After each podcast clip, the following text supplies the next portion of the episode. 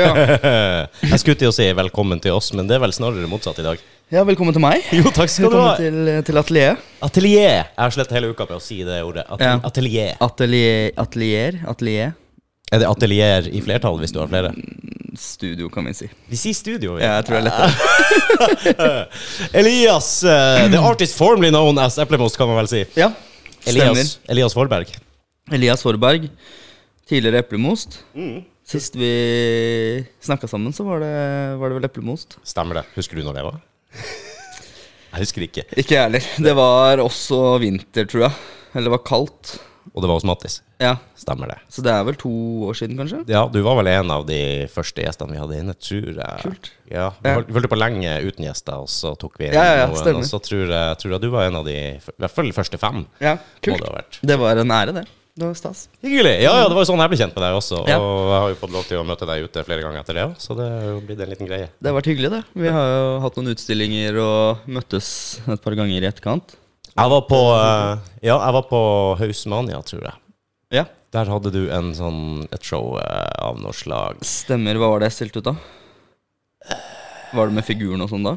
Nei, det var, Nei. det var Du hadde noen bilder på veggen med noe Ja, når det var rave og sånn. Ja, ja, ja, med ridderen og Nei, det var når, eh, når de spilte Det var jo kanskje før du var hos oss ennå, var det det? Jeg tror det, ja. Når det var, når det var konserter der. Ja, Ja, ja, ja, ja. Konsert, var det jo Å, herregud, da. Det er også Meltfest, var det. Det var Meltfest. første Meltfest på Hausmania. Stemmer Jeg stilte to ganger på Hausmania. En gang med Meltfest, og så en gang med Blink, som er en sånn kollektiv med, med DJ-er og litt sånn forskjellig, som hadde noe der også. Ja, riktig. Det var da jeg hadde den Det var i februar i år. Så det, var, det her er nok eh, den forrige du tenker på, ja. Det var det, ja. Men Law of All spilte vel der, blant annet. Gjorde de ikke Stemmer, det? Det var det, jeg husker, for det var litt Stemmer. funny på scenen. Og, Det var da jeg tryna på vokalisten Når jeg var i moshpiten foran scenen og sklei på øl og datt oppå scenen og plugga ut en mikk og oppå en Ja. forsterker, og plutselig bare all musikken stoppa midt i en sang, og jeg lå på gulvet oppå scenen. Det var gøy. Det var artig, for alle sammen oppfatter at det skjedde noe der. Ja, ja, Men, Det var bare jeg eh, som spant rundt og rundt, Ja, ja, og rundt, og så mista jeg balansen. Og så rett Jeg tror jeg datt oppå mikrofonstativet, så vokalisten fikk mikrofonen Ja. kakka inn i tanna. Eh, og så Ja, for faen, har ikke de her vært på podkasten De snakka om det, dem også. Det var en fyr, og de måtte si Hei, vi kjenner jo han fyren. Det var jo han som arrangerte, eller du var i hvert fall Jeg var med, ja. Stemmer det. med på den greia. Herregud, det var, eh, det var gøy. han fikk sånn der eh, mikrofonmønster på overleppa. han. Ja, jeg, jeg, jeg følte jeg har et videoklipp av det. Uh, for jeg, det var noen som fikk filma det. Ja. Og jeg føltes jo som jeg lå på bakken i sånn ti minutter uh, når jeg tryna. Det var jo et, et millisekund. Jeg, var jo noe som, jeg føyk jo opp igjen. Jeg, jeg, Ja. Det var så flaut. Jeg følte jeg lå der og kava så lenge, og all musikken døde ut. Og det, var bare, Ja. det ble helt stille. Da står jo tida stille også. Ja, ja. Eller helt, sånn, sånn når det skjer noe på fest, det blir helt stilt. Musikken stopper, var- alle sammen ser hva som skjer. Bare, bare meg. var god i formen da. Det var egentlig sånn sett så er det bra at det var du som gjorde det. Ja, jeg fikk jo benytta muligheten mens det var stille til å si at uh, det er jeg som stiller ut bilder her i dag. Uh, Gjorde du det? Ja, så jeg ropte ut. Det fikk jeg sånn. Beklager, uh, by the way, det er jeg som stiller ut bilder her. Det er der, der og der. Ha det. Og så løp jeg. Det var, det var gøy, det. Bra promo. Veldig bra promo. Fikk Ja. du presentert deg sjøl på en ordentlig måte? Du, Ja. bare skyter, du er ordentlig kunstner, du bare skyter inn når det passer dårligst. Ja, ja. Bare pull the plug, og så Det er meg, liksom. Ja. Fokus, fokus. Og Da var jeg vel også eplemost eh, Eplemost på den tiden. Ja, stemmer det. Hvorfor uh, bytta du over? Um, først, Det er litt forskjellige grunner. Først så tenkt, følte jeg at det var litt barnslig. Uh, det var jo veldig tilfeldig at jeg het Eplemost. Og så var det først Nikoline, uh, en venninne av meg som spiller i Witchloop Satan, som når jeg ble kjent med henne, uh, så sa hun at hun hadde prøvd å søke meg opp på Instagram. Og fordi jeg het Eplemos med to e-er, så hadde jeg ikke kommet opp. Og hun var sånn Det er flere, garantert, som ikke finner deg når de søker deg opp. Det er et problem. Og så uh, hadde jeg litt lyst til å bytte til blodtusj. Uh, men etter jeg hadde besøk av Sigurd Vongraven her i, i sommer, Har du det? to ganger Ok. Uh, det, var, det var stas. Det, det gjorde noe med meg. Han var her i to timer første gang og prata om alt mulig rart. Jeg hadde invitert han hit bare for å vise han noen kirkebrannmalerier. Ja. Hadde bare egentlig lyst til å gi han et bilde for å få litt synlighet. Uh, og han kom og var her i to timer og prata om Munch, fra Munch til klokkemerker. Eh, det, var, det var veldig oh, ja. rart. Så uh, vi kan komme tilbake til det. Men han tipsa meg om at hvis jeg da skulle bytte navn, For jeg lufta det her for han, så sa han at da burde du kalle deg liksom navnet ditt istedenfor. For det er lettere å gå internasjonalt. Det er mer liksom Mer eh, Du blir mindre satt i en bås. Sånn at, ah, hvis jeg lager bananbildene som jeg gjorde når jeg het Eplemost, og så skal jeg plutselig lage noe annet, så kommer folk til å huske Eplemost for bananbildene. og det er lettere å liksom bli plassert i en bås. Ja. Og så betyr jo ikke eplemos eller blodtusj en dritt på engelsk. liksom Det gir ikke noe mening. Uh, og så begynte jeg liksom å tenke sånn, ok, hva med alle kunstnerne jeg kjenner? Så er det jo bare et fåtall av de som på en måte har et brandnavn eller sånt artistnavn. De aller største heter jo bare navnet sitt. Ja, gjør de ikke det, egentlig? Jo, Munch heter jo ikke Eplemost, liksom. Eplemunk. Eplemunch. Det var jo bare Munch. Ja, Sant det. Jeg syns det er veldig kult å bygge opp liksom brand og lage logo og design og alt det fra min tidligere eh, fortid. Liksom. Så Eplemos var litt gøy, og det var litt kult å kunne bygge et brand. Ja. Og jeg blir jo fortsatt en dag i dag.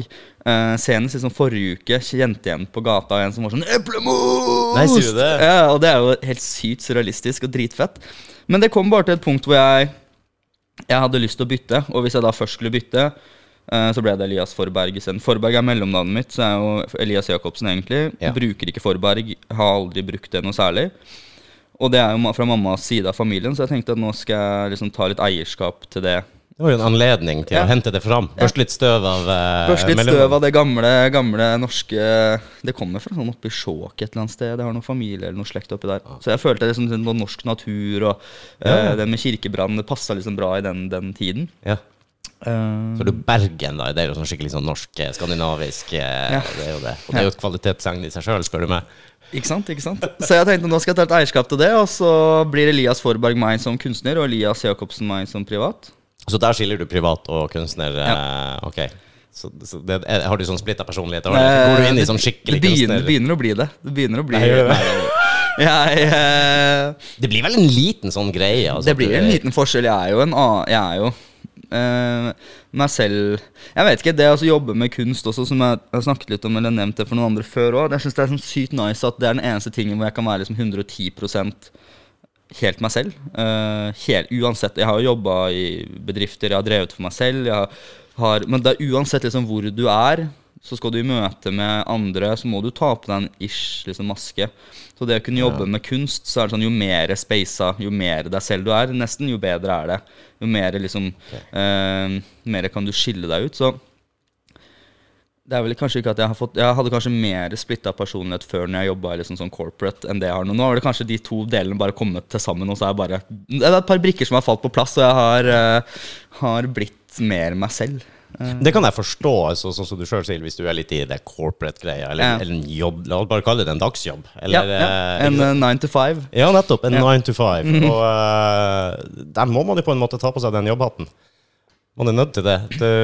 Sånn er det jo basically med alle uansett. Jeg har jo vært håndverker hele livet, eh, både ute på veien og inne på kontor med, i servicebransjen, spesielt retta mot service. Og det, og det er jo ikke sånn at jeg kan gå og si alle mine innerste, dypeste meninger. Nei. Det er ikke noe sånn supervoldsomme super eh, greier, det, altså. Men, eh, men likevel, det er noe med privat og fritid. Veldig. Og nå er den linja blir litt mer blurra ut. Og det liker jeg. Det er, det er nice. Jeg trenger ikke å ta hensyn til hva jeg ytrer og hva jeg sier, på samme måte som jeg måtte gjøre hvis jeg liksom satt på et kontor 9 to 5. Ja, du har jo på en måte Eh. et ansvar overfor arbeidsgiveren din også. Ja, ja. Og de andre kollegene og kundemøtene. Du skal, liksom, det er jo en helt annen verden. Eh, og det å kunne komme inn med tatoveringer på halsen og caps, som jeg har liksom gjort et poeng av i alle de ti årene jeg har jobbet i byrå, eh, så er det fortsatt, selv om liksom, så, er, så, så må du fortsatt liksom ta på deg en ish-maske. Ja, jeg kan tenke meg det. Nå er det jo faktisk akkurat den biten er jo blitt mer og mer akseptert, da. Absolutt. absolutt. Og det syns jeg er bra. At du Eh, ja, kan komme med jeg tettis på halsen, og Ja. du kan uh, ha litt uh, sleeves Ja. og Og det har jeg stått beinhardt på i alle år. At liksom, sånn skal det bare være. Og hvis, Da får jeg heller overbevise jævlig bra med hva jeg produserer og hva jeg lager. Uh, men sånn som nå når jeg driver med, med dette her, uh, med kunst, så er jo det jo mer liksom, alternativ og spasa du er, jo mer, synes du, får, jo mer du har å vise, historier å fortelle, jo mer interessant du kan være, jo mindre lik alle andre man er, jo bedre føler jeg det er. Og, så da kommer liksom den sanne den sanne Eliassen fram. Jeg kan tenke meg at det gjør det mindre komplisert, i hvert fall. Ja. Eh, liksom Skal du skru av klokka fem, Mm. eller skru på klokka fem. Ja. på en måte. Ja. Eller hva det blir. Jeg vet ikke, fordi at eh, Nå er jeg bare meg sjæl, liksom. ja, det er jo på, kanskje på godt og vondt. Ja, på godt og vondt, ja. Men det er jo en del av den pakka man får, da. Ja. Som eh, appellerer til folk, eller ikke. Ja, veldig. Det er det. Men du, du har ikke noe, noe sidegigs nå, holdt jeg på å si? Eh, nei, jeg, jeg, driver Eller har starta et byrå. Et byrå? Eh, men jeg har tatt et, eh, litt permisjon det året her for å eh, jobbe mer med kunst. Det har liksom tatt så, tatt så av og blitt så mye. Men du har starta byrå sjøl? Ja, Ja, Så jeg okay. har, eh, det er vel åtte eller ni stykker som fortsatt jobber der. Som sitter der hver dag. eh, og har gjort det i hele år mens jeg har vært her og malt. Wow. Eh, så jeg, det var en, en som tok over som daglig leder i mai. Mm. Og fra typisk liksom sommeren så har jeg egentlig vært her hver dag. Og jeg har jobba veldig mye med Kirkebrannutstillingen som jeg hadde i oktober. Uh, jobba med denne minidokumentaren med Christian, som uh, hadde en dokumentarskaper som fulgte meg i januar-februar. Som vi hadde premiere på i august. Uh, og egentlig bare prøvd å ja, rendyrke det her mer, sånn at jeg kan liksom bytte beite. Ja, det er kult, det er kult å høre. Jeg tror eh, hvis, jo mer du gir av deg sjøl, si, Mm. jo bedre blir det både for deg og for det man produserer. Mm. Og så kanskje det å slippe å skille så mye på ting. Ja, det er veldig deilig. Eh, Så er det liksom alle de tankene og, og, og følelser og ting som man tenker som man kanskje har begravd ganske langt bak i denne voksenverden som man skal leve i, så kan jeg nå sakte, men sikkert begynne å dra fram igjen. Og jo sjukere tanker, jo mer jeg liksom kan bruke det til kunst, jo, jo kulere er det jo, jo mer ekte blir det. Ja visst gjør det det. Men det er en prosess, det òg. Og det er ikke alt jeg drar fram der som eh, er like gøy å dra fram. Eh, men eh, det er en prosess. Da blir det jo litt ekte også. Jeg tror Ja, jeg føler det. Ja, for det der eh, jeg kaller det for Instagram Instagram-glansbildene, det er jo Mm. Vi vet jo alle sammen det at eh, Ja. Altså Det første du gjør om morgenen, er å drite deg uansett. Det, det, Ja, det gjør de der uh, influensejentene òg, men de Ja, de tar bare ikke bilde av det. Nei, jeg vet. Uh, ja, det er veldig sant. Og- Det er, det er ikke så ofte jeg tar bilde av det heller, men uh, ikke så ofte, men det hender. du er ekstra fornøyd med det? Uh, Ja, ja, Viser faen. kompisen se på den her. bånda han. Vet du, gikk hele, hele veien ned før den klapp. Klarte touchdown. Ja, touchdown. Faen, sykt stolt. Ja, det. Og så bytta jeg jo som sagt navn. Uh, så jeg tok livet av eplemost i sommer. Jeg hadde en figur som jeg lagde i gips på to meter. Var det Har du lagt ut bilde av det? For Ja, jeg lagde du en video av det. ble litt, Jeg lurte på om jeg måtte ringe noen, men Ja, eh, nei, eh, det er, eh, det er Det er flere som har lurt på om de må ringe noen. eh, Når, både under utstillingen jeg hadde i februar, og den videoen som ble lagt ut. Um, For jeg lagde jo en, på en måte en to meter høy eh, personifisering av mitt selvhat.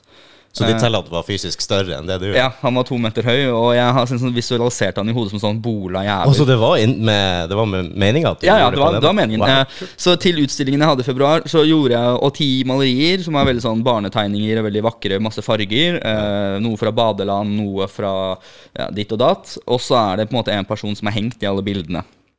Og det er, denne, det er selvforakten min av denne to meter høye mannen. Og tanken er liksom uansett hvor jeg er, om jeg er på ferie med familien, eller om jeg sitter på glattcelle, eller om jeg er eh, med en kjæreste som jeg har hatt, så er denne personen alltid med. Eh, enten om det er pent eller, eller stygt, liksom. Så når jeg stilte ut denne, disse bildene, så hadde jeg da en to meter høy gipsfigur som jeg hang liksom ordentlig med, med slipknot-knute og sånn i midten av den utstillingen. Så var det ti malerier rundt. Eh, og den personen tok jeg med meg ut i skauen i sommer. Eh, fylte den med tennvæske og lighter, eh, eller sånn lysolje, eller hva faen det heter. Ja. Og så tente vi på den og brant den opp. I liksom et forsøk på å drepe litt av min egen selvforakt. Eh, Det er på en måte en veldig sånn symbolsk greie. Jeg skulle til å si, det er jo veldig symbolsk. Veldig. Og så Ja. brukte jeg det til at det var også da på en måte Eplemost sin avslutning. Eh, så det ligger en video ute hvor jeg drar en figur eh, etter tau langs liksom, halsen rundt i skauen og henger den opp og tenner på, og Ja. den bare Den tok så jævlig fyr. Vi var så redd for at den ikke skulle ta fyr.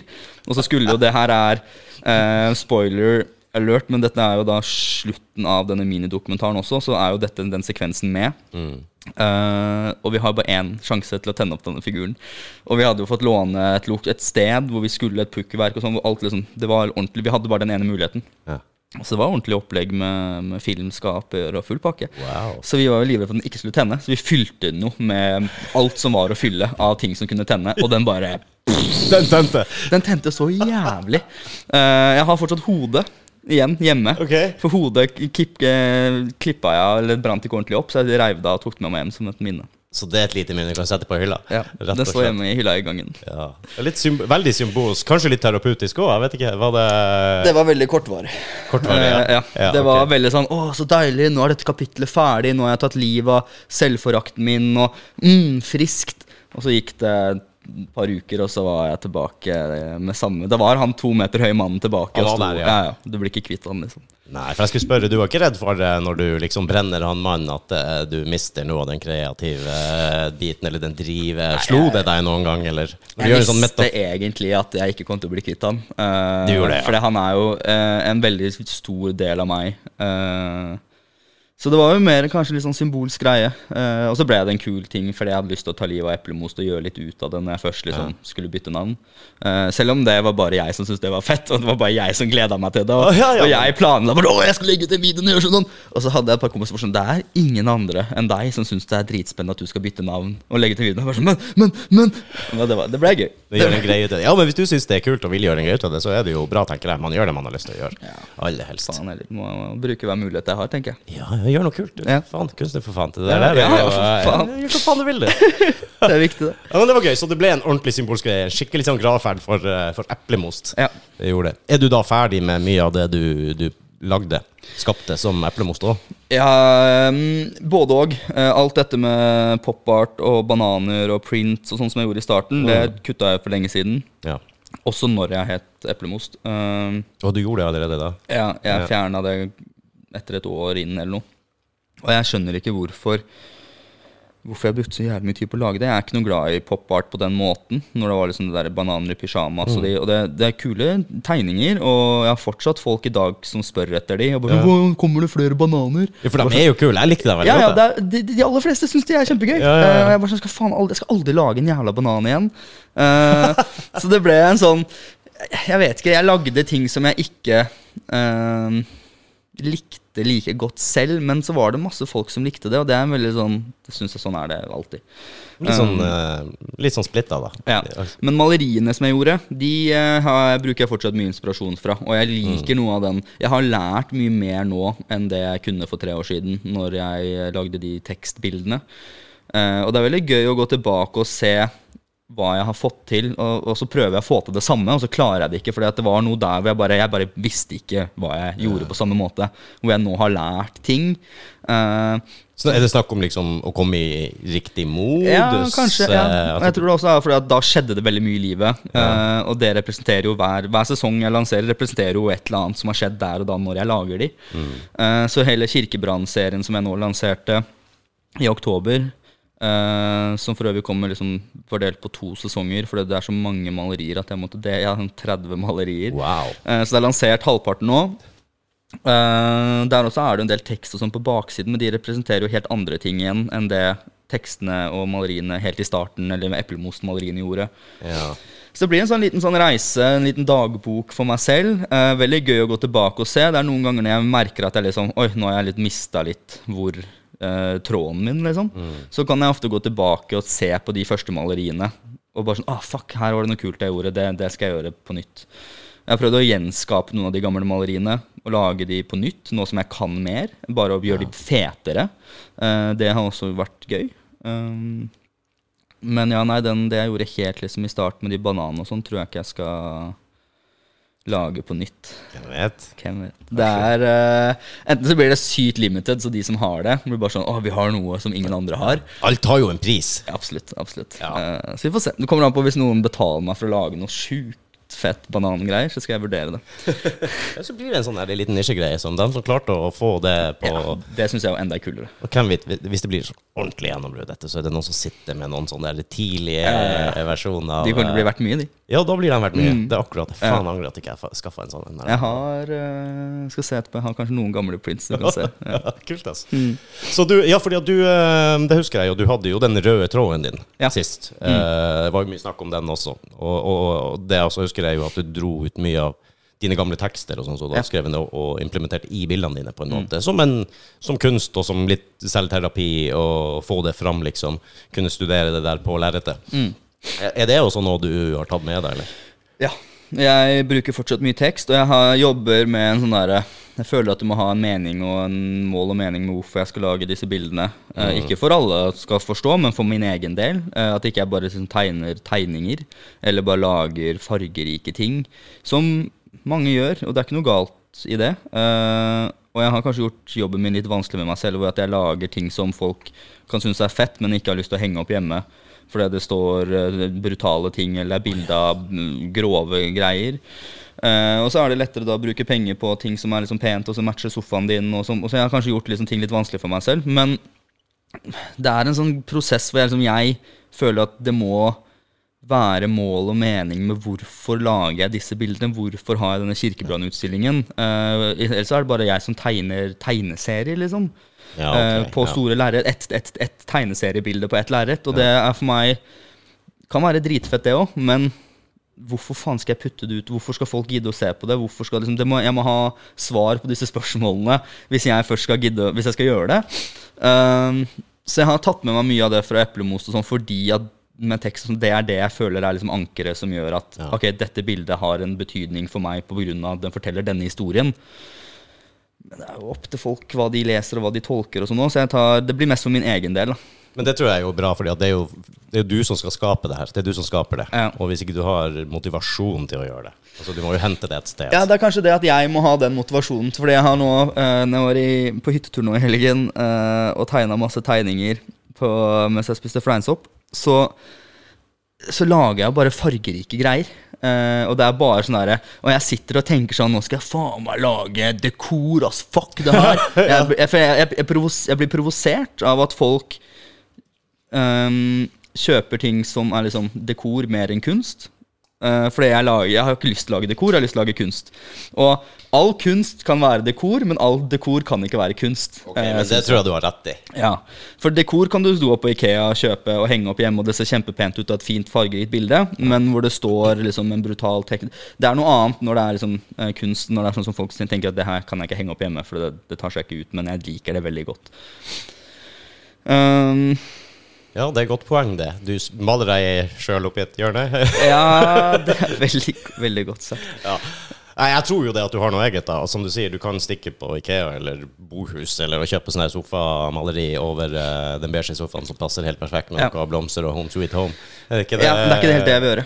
Men når jeg da laget, spiste masse fleinsopp, så, så tenkte jeg sånn Fuck det her, nå skal jeg lage masse dekor. Uh, Dekor, hva du tenker på Da Da tenker jeg på sånn fargerike, flotte bilder som Ja. ikke har noe Det har ikke noe mening, det er ikke noe dyp tankegreie her, det er ikke noe følelser. Det er bare sånn Her har jeg sittet med oljepastell, eh, tura og bare øh, lage ting som for meg ser liksom fargerikt og kult ut. Ja, okay. Og så hadde jeg en tanke på at nå skal jeg nå, bare Fuck alle sammen. Nå skal jeg lage dekor. Jeg skal lage ting som folk tenker sånn mm, Det her passer matcher sofaen vår hjemme. Det her vil vi ha. Og så skal jeg lage prints av det, og så er det bare sånn sopptur-prints. ja. Så jeg holder på å jobbe med det nå, så det kan bli spennende å se. Det er noe helt annet enn enn det her. Uh, Jo, jo. Med kirkebrann og, og tekster og dype meninger og tanker og ja. Ja, men der fant du en modus som du Det er en prosess. liksom- Det er en reise. Ja, det er en reise. Ja, det, er det. Det er sikkert litt artig, da. Utfordre seg sjøl litt også, og kanskje skape noe helt annet enn det du pleier. Ja, jeg, hadde en tanke Jeg husker jo ikke så mye av det jeg tegna dagen etter. Uh, men jeg hadde bare en sånn følelse av at fy faen, det var jævlig bra. Mm Og når vi, vi satt og tegna, jeg bare sånn Å, shit, det her er så jævlig bra! Jeg bare Og så så jeg på det sånn dagen etter, så bare sånn faen, det her det, er, det var sånn Av 30-40 tegninger, så er det åtte, kanskje, som er sånn wow, de er litt kule. Ok, sier du Resten det? er bare Det er bare, ja, det er bare kruseduller. Jeg skjønner ikke en dritt. Og jeg men- satt der og bare sånn Wow, det er helt sykt fett! Du var i modus da, vet Jeg var du. Skikkelig- skikkelig i modus. De krusedullene var sikkert dritfete, da. De Der og da, ja. Og alle rundt bordet bare sånn wow! Ja, altså, alle var på flein, altså. Alle, ja, ja, alle i hytta var på, hadde spist fleinsopp. Og og alle satt og tegna uh, hele natta. Kanskje det som er trikset, da. Du lager sånn, og så har du utstilling, privatutstilling, og så må Ja. du bare gi ut litt grann, eh, før de går inn. flein, ja. Det er Da ikke kommer en de dum idé. Oh, shit! Det er ikke en dum, skal den, eh, dum idé, altså. Det blir litt sånn The Grateful Dead, vet du. Ja. Musikken. Ja. Det er jo Jeg hadde jo hørt om The Grateful Dead fra jeg var bitte liten, bare, men jeg hadde jo aldri hørt på dem. Jeg bare, er det for noe? Du hører dem i filmer, i musikkreferanser Mm. overalt. Og så var jeg på Sound of Noise i Oslo i gamle dager og skippa litt eh, skiver der. Og, Mm. The Grateful Dead. Nå skal jeg faen meg finne ut hva det her er for noe. Det var ikke sånn at du kunne høre dem på forhånd. da, vet du. Nei, nei de kjøper den for den hadde kullcover eller noe sånt. Og så og dro hjem og slengte den på og bare I alle dager er det her? Hva er det som appellerer? Hørte gjennom skiva en gang, lot den ligge. Jeg tror aldri jeg har hørt på den igjen. Nei. Men så skjønte jeg jo det når jeg ble litt eldre. Ja. At du må være på LSD eller, eller noe sånt for Ja. at det her skal være bra. Og da er det verdens beste musikk. ja, og da gir det jo mening på en annen måte. Ja, og, Eh. og, og det som er så rart, det treffer alle som bruker det. Mm. Samme som med Flamesopp, for eksempel. Eh, alle syns, alle det. syns det er kult. Man er på bølgelengde, på en måte. Ja, dele ut fleinsopp til folk i døra når de kommer på en utstilling. Ja. Det er vanskelig å annonsere det i forkant, så folk vet hva de kommer til. For det er jo kan kjedeligvis politiet komme på døra. Ja, altså kan, Kanskje det er litt i grenseland på hva som er Ja, altså- Med å ikke annonsere det, Ja, Ja, så altså tar det litt tid før det kicker, og så folk liksom være her en times tid og se på kunst. Det er en god idé, jeg skal, skal tenke på det. Bare la det sive inn Ja. mens de står der og tar kunsten inn over seg samtidig. Det er veldig gøy. altså, du må jo kalle det for en reise. Ja, det si. blir Bli med Elias på sopptur, liksom. Ja, nemlig Eh, det blir jo noe sånt. Så går du ut med lomma full av malerier som du ser på i morgen og bare. Ja, det var eh, 50-50 Nei, det var under 50-50, faktisk. Men noe bra kom ut av det. Jo, jo, du har jo sikkert lært masse. Lært masse, og så bryter man ned noen eh, barrierer når man er liksom litt redd for sånn Uh, Hvis man har sånn sett seg opp eller gjort seg opp en skisse, eller når jeg tegna kirkebrannbildene, så er det en veldig spesifikk type tematikk. Ja. Så blir man veldig redd for å liksom gå utenfor den, de rammene. Mens når du spiser fleinsopp, så er det ingen rammer. Det er ingen regler. Så det er eh, bare eh, Gi faen i det her. Og så tegner jeg litt opp og ned, og så bytter jeg, og så flipper jeg arket rundt, og så fortsetter liksom. Bare sånn, det Ting har ikke noe mening på den samme måten. Hvor det er sånn Oi, nå lager jeg et bilde, og det må bli bra, og det skal være den kirken her, og det skal se sånn ut, og jeg skal ikke komme utafor. Det er en mye mer befriende greie. Men igjen så blir jo resultatet også så som så. Kan du se det i annen kunst som ikke du sjøl har laga? Kan du se et verk og så tenke ok, her er det noe ekstra Eh, inspirasjon? Det går an innimellom, eh, men Ja. man vet jo ikke. Men man kan jo ha en teori. Det er jo innimellom man ser ting og tenker sånn Wow, den personen her må Ja. ha gått på et eller annet når den har laget det. Nemlig. Ja, ja. Jeg tenker det, det det skjer ofte. Og det er ikke noe galt i det, for så vidt. Det er liksom eh, bare interessant å se det, hva, hva som kommer til deg, hvilken tilstand du er i. Det har vært litt gøy å liksom gått på en utstilling sånn spist friendsopp, og så gått på en, dratt på en utstilling og, sett, og sett om det er noen forskjell. Se hva du kom hjem med. Shit, det var Av, gøy. eh, ja. Pluss at jeg handla masse Kunne bli kunst. dyrt, vet du. Ja. Det er bra. Men kirkebrann, Ja. hvordan kom du inn i det sporet? Eh, har alltid hatt eh, en fascinasjon av eh, Kirker som brenner? Kirker som brenner eh, på tidlig 90-tallet. Eh, jeg er født i 93, så jeg ble jo født liksom i peak eh, når dette her holdt på som verst. Mm. 92 og 93. Og var jo en veldig sånn metal eh, kid uh, fra jeg gikk på barneskolen til nå. Du begynte så tidlig igjen, da? Ja, jeg husker jeg satt bakerst i bussen og hørte på Slipknot og sånn. Ja. Eh, som Iowa-albumet Når jeg var på vei til barneskolen da jeg var liten og bare satt i, i bakerste sete og smilte for meg selv. Og bare sånn, hva faen, Det her er det sjukeste jeg har vært med på. Eh, det bare endra livet mitt. Eh, så jeg har altså vært veldig fascinert av det. Jeg hadde, sånn, hadde noe eh, særemne om Varg Vikernes på barneskolen og sånn. Eh, Det burde blinka noen røde lamper hos noen foreldre et eller annet Jo, jo. sted. Men det var, eh, det var veldig spennende. Jeg synes jeg var veldig fascinert av liksom selve eh, miljøet, hvordan liksom ungdom og kids som er utenfor, finner hverandre, og dette med tilhørighet.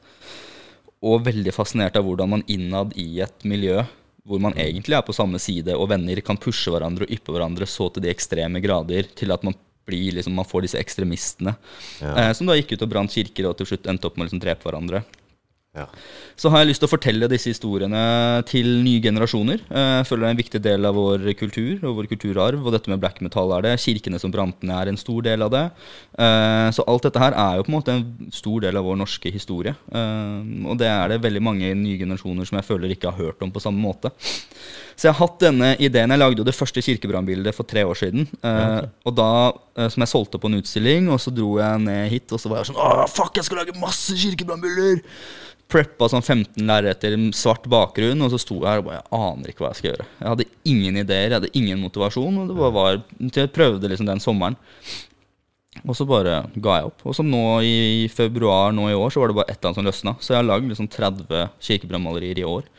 Da fikk du virkelig Ja, det er bare et eller annet. Så jeg har sikkert gått rundt og kverna på det her nå i to år, og så plutselig så bare Ketchup-effekten. Ja, så det var veldig deilig. Så øhm, har jeg lært ekstremt mye. Jeg møtte jo Sigurd Vongraven Uh, møtt en del liksom, black metal-folk. Vært på en del black metal-seminarer og foredrag. Vært på Nasjonalbiblioteket x antall ganger og sett uh, utstillingen der. Er det en egen utstilling på Nasjonalbiblioteket? Ja, den ble slutta i september. Som var liksom, eh, den var et helt år nesten, med sånn black metal-utstilling som var en hel etasje. Jo, jeg visste det nå, når du sier det. Jeg visste det nu nå. et eller annet skri lyden av Jeg husker ikke hva den heter. Men ja. Det var sykt uh, kult. Uh, var på Munch Satyricon-greiene. Liksom prøvde å, å, ta inn alt, da, så mye som mulig. Eh, og lært veldig mye. Jeg kommer jo fra en sånn fascinasjonsside, hvor jeg tenker at alle som hører på black metal, syns det her er fascinerende og kult. Eh, Og lærte jo under den prosessen at sånn er det jo ikke i det hele tatt. Eh, og det er veldig splitta innad. Eh, det er de aller færreste av liksom, de hardcore black metal-folka som vokste opp og var med på det her, som syns det her er fett, og som syns det er noe de liksom står for. Som var helt nytt for meg. Og det er jo helt åpenbart når man tenker det. At liksom, ok, man er del av et miljø. Det er noen få som gjør en ekstrem greie, som kaster en skygge over alle sammen. Selvfølgelig så syns jo ikke alle det er dritfett. Mens den tanken så langt hadde jeg bare aldri tenkt før jeg begynte. Så jeg tenkte jo at wow, dritfett, øh, satanisme, og vi brenner ned noen kirker. Og, og ingen har jo blitt måte, drept eller skada i disse kirkebrannene på samme måte. Som liksom når de begynte å drepe hverandre og sånn. Alt er ille, liksom. Men Ja. Jeg føler det er, det er lov å være fascinert av kirkebrann uh, mer enn det er lov å være fascinert av at folk dreper hverandre. det er ikke like fascinerende. Altså, det er jo folk som er fascinert av det òg. Altså, alle som Ja. sverger til krim på TV og bøker og alt sånt, det er jo basically det det er snakk om ofte, da. Ja, det er det. Så, Så, det, det ble liksom en fascinasjon rundt det, og så ble det til å la lage Fikk plutselig masse ideer. Så det begynte jo med kirkebrann, og så har det gått til liksom tempelriddere og religion og mye eventyr og fantasy og liksom alt det samme som da en som var eh, 16 i 1992, satt og likte og digga. Ja. Eh, det er jo alt det som den personen liker, var der jeg ville ha inspirasjonen min fra. skjønner, ja. Ja, det er som du sier, det ikke Det omfavner vel ikke hele black metal-miljøet, det er akkurat den kirkebrenninga og alt det der, men det er jo fortsatt historie. Det er fortsatt en viktig del av historien. Ja, og uh, jeg syns også det er litt artig at vi, vi er litt flinke her i, i Norge. Jeg sier vi, men det er jo noen som står bak det og, liksom, og, og prøver å ta vare på den historien. Med, med utstillinger, med sånne som du sier, bare med hva det var, Satyricon og Munch. ikke sant?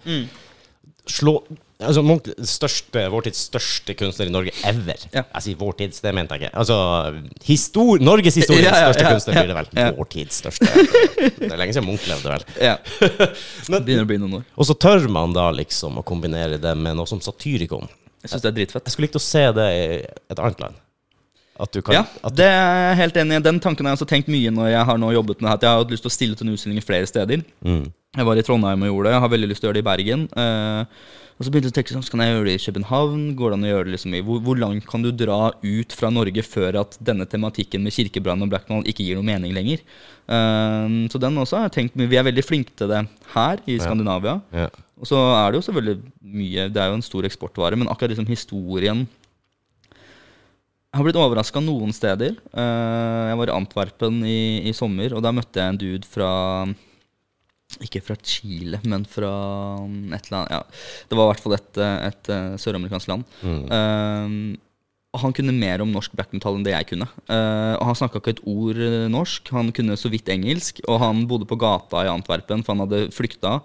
Uh, og jeg tilbød en hel kveld med han, og det var eh, sykt hyggelig. Vi bare tusla rundt Ja. og satt i en park på natta og prata. Jeg var der, reiste aleine.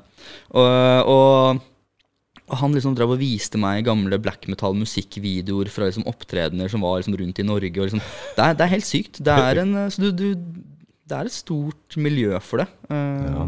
Det det. Men vi er jo flinkest på det her, da. Ja da, det er jo opprinnelsen, vet du. Opprinnelsen. Eh, nærmest eh, rota. Mm. Men jeg skulle nevne Sør-Amerika. De har jo eh, veldig stor interesse. Når, sånn, eh, 90-tallet, Slutten av 90-tallet så var det jo Kanskje til og med starten av 2000-tallet så var det jo pilegrimsreiser her i Norge fra Ja, ja. Sør-Amerika. Ja.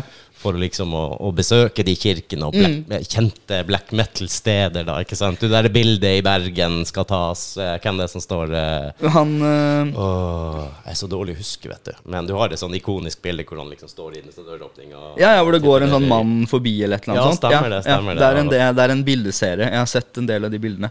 Uh, det er kjempe, kjempefett. Jeg, eh, han som jeg møtte i Antwerpen, han også visste jo godt om Fantoft. Eh, Mm.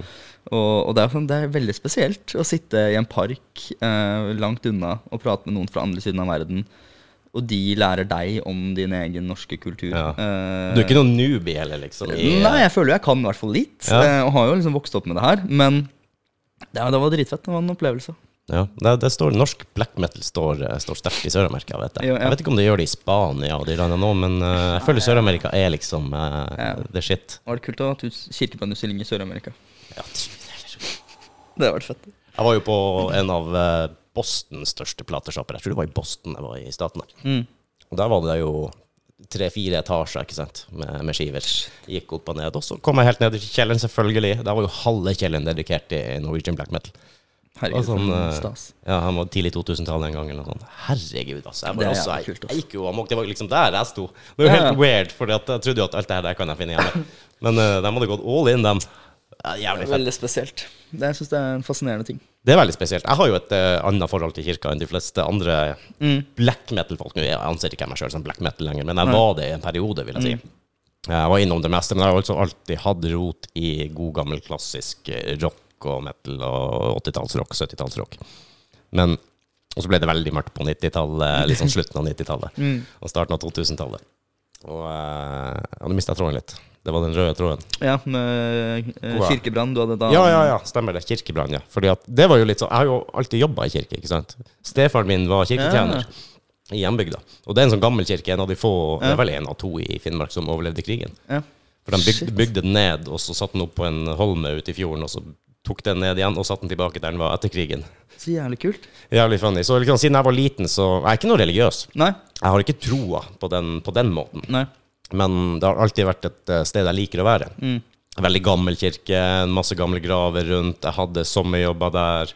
Det var klippeplan, det var Jeg har vært med å grave utafor. Du finner jo både det og det andre, ikke sant? Det var å hive litt bein over gjerdet. Uh, er kult. Klargjøre, henge opp de salmenumrene, vaske det, det liksom, Alle de her tingene har jeg, har jeg gjort veldig Mm. lenge. da Manuell ringing hver høytid i klokketårnet. Kjempeartig. Det hadde vi med oss når jeg ble gammel nok. da Ja, ja, ja. Først så måtte jeg kjøre til og fra kirka. Da kjørte jeg snøscooter med Ja. stefaderen bakpå. ikke sant? For da skulle ta seg en liten Ja. i kirketårnet. Det var jo nesten på det nivået, vet du, at når alle de her drankerne rundt omkring i fjordholdene hørte Mm. at eh, kirka begynte å ringe, eller klokka begynte å ringe, da vet de at da står de der med en eh, liten lerke på innom, og da er det fest i. Ja, ja, ja. Shit. Så når jeg ble gammel nok, så fikk jeg også lov. Da var det liksom eh, Står vi og drar i et kvarter hver, og så må du ha pause, for du står jo faktisk og Ja, for det er en faktisk liksom svært ja. som du drar i, Det liksom, det. sånn som du ser på film. Ja, og så er det litt funny da når du begynner å kunne det. Ikke sant? Så tar du høyt opp, og så drar du så langt ned du klarer, så Ja. hopper du opp, så tar du tak i tauet, og så blir, Ja, du, ja. Så blir du dratt opp. blir du dratt hele veien opp. Herregud, det er en kul ting. Jeg har aldri, aldri gjort. Det er veldig artig. Det er veldig sånn Hva skal vi si Det blir nesten et ritual. Du. kommer inn, du klatrer helt opp i tårnet, du åpner alle eh, skalkene, slu, slusene, liksom, sånn at lyden sprer seg hele veien rundt. Så det går ned, klargjør klargjøre. Mens eh, han sto og dro, så satt jeg i kirka og spilte litt orgel. Ja, ja. Og liksom styrer han. Men da har du en bra En annen kobling til det enn det Jeg hadde blitt ekstremt provosert hvis noen hadde provosert. Jeg hadde klikka hvis noen hadde brent den ned Ja, ja, for å lage noe sånt. Så, ikke sant? Og sammen med det er jo en kulturarv vi har også med alle de kirkene, så det er jo helt forferdelig. Spør, Ja, egentlig. er, jeg eh, syns i hvert fall det, men mm. Ok, det har skapt en historie, det har skapt en Hva skal jeg si? Det har skapt en greie, da. Som man ikke skal være redd for å ta tak i igjen nå, føler jeg, som du sier. 30 år etterpå er det veldig fort. Ja, ja, ja, det er jo 30, det er 30 år siden i år. Uh, Er det det, ja? ja. Da traff jeg bra. Ja, så det er jo Jeg tror det er derfor Nasjonalbiblioteket også hadde en del liksom, fokus på det uh, i år. Så det var jo veldig bra timing. Men nei, jeg, jeg er litt enig der. Uh, litt sånn både òg. Jeg, jeg, jeg er fascinert av historien og eh, liksom kirkebrenningen eh, som den hendelsen at liksom kirken brant. Mm. Uh, på en måte støtter jo ikke kriminell at folk skal ut og brenne kirker og lage liksom, kriminelle handlinger. Det støtter jeg jo ikke, men når de først liksom har skjedd, og det er en del av historien, så, så syns jeg det er veldig fascinerende og spennende å lese om.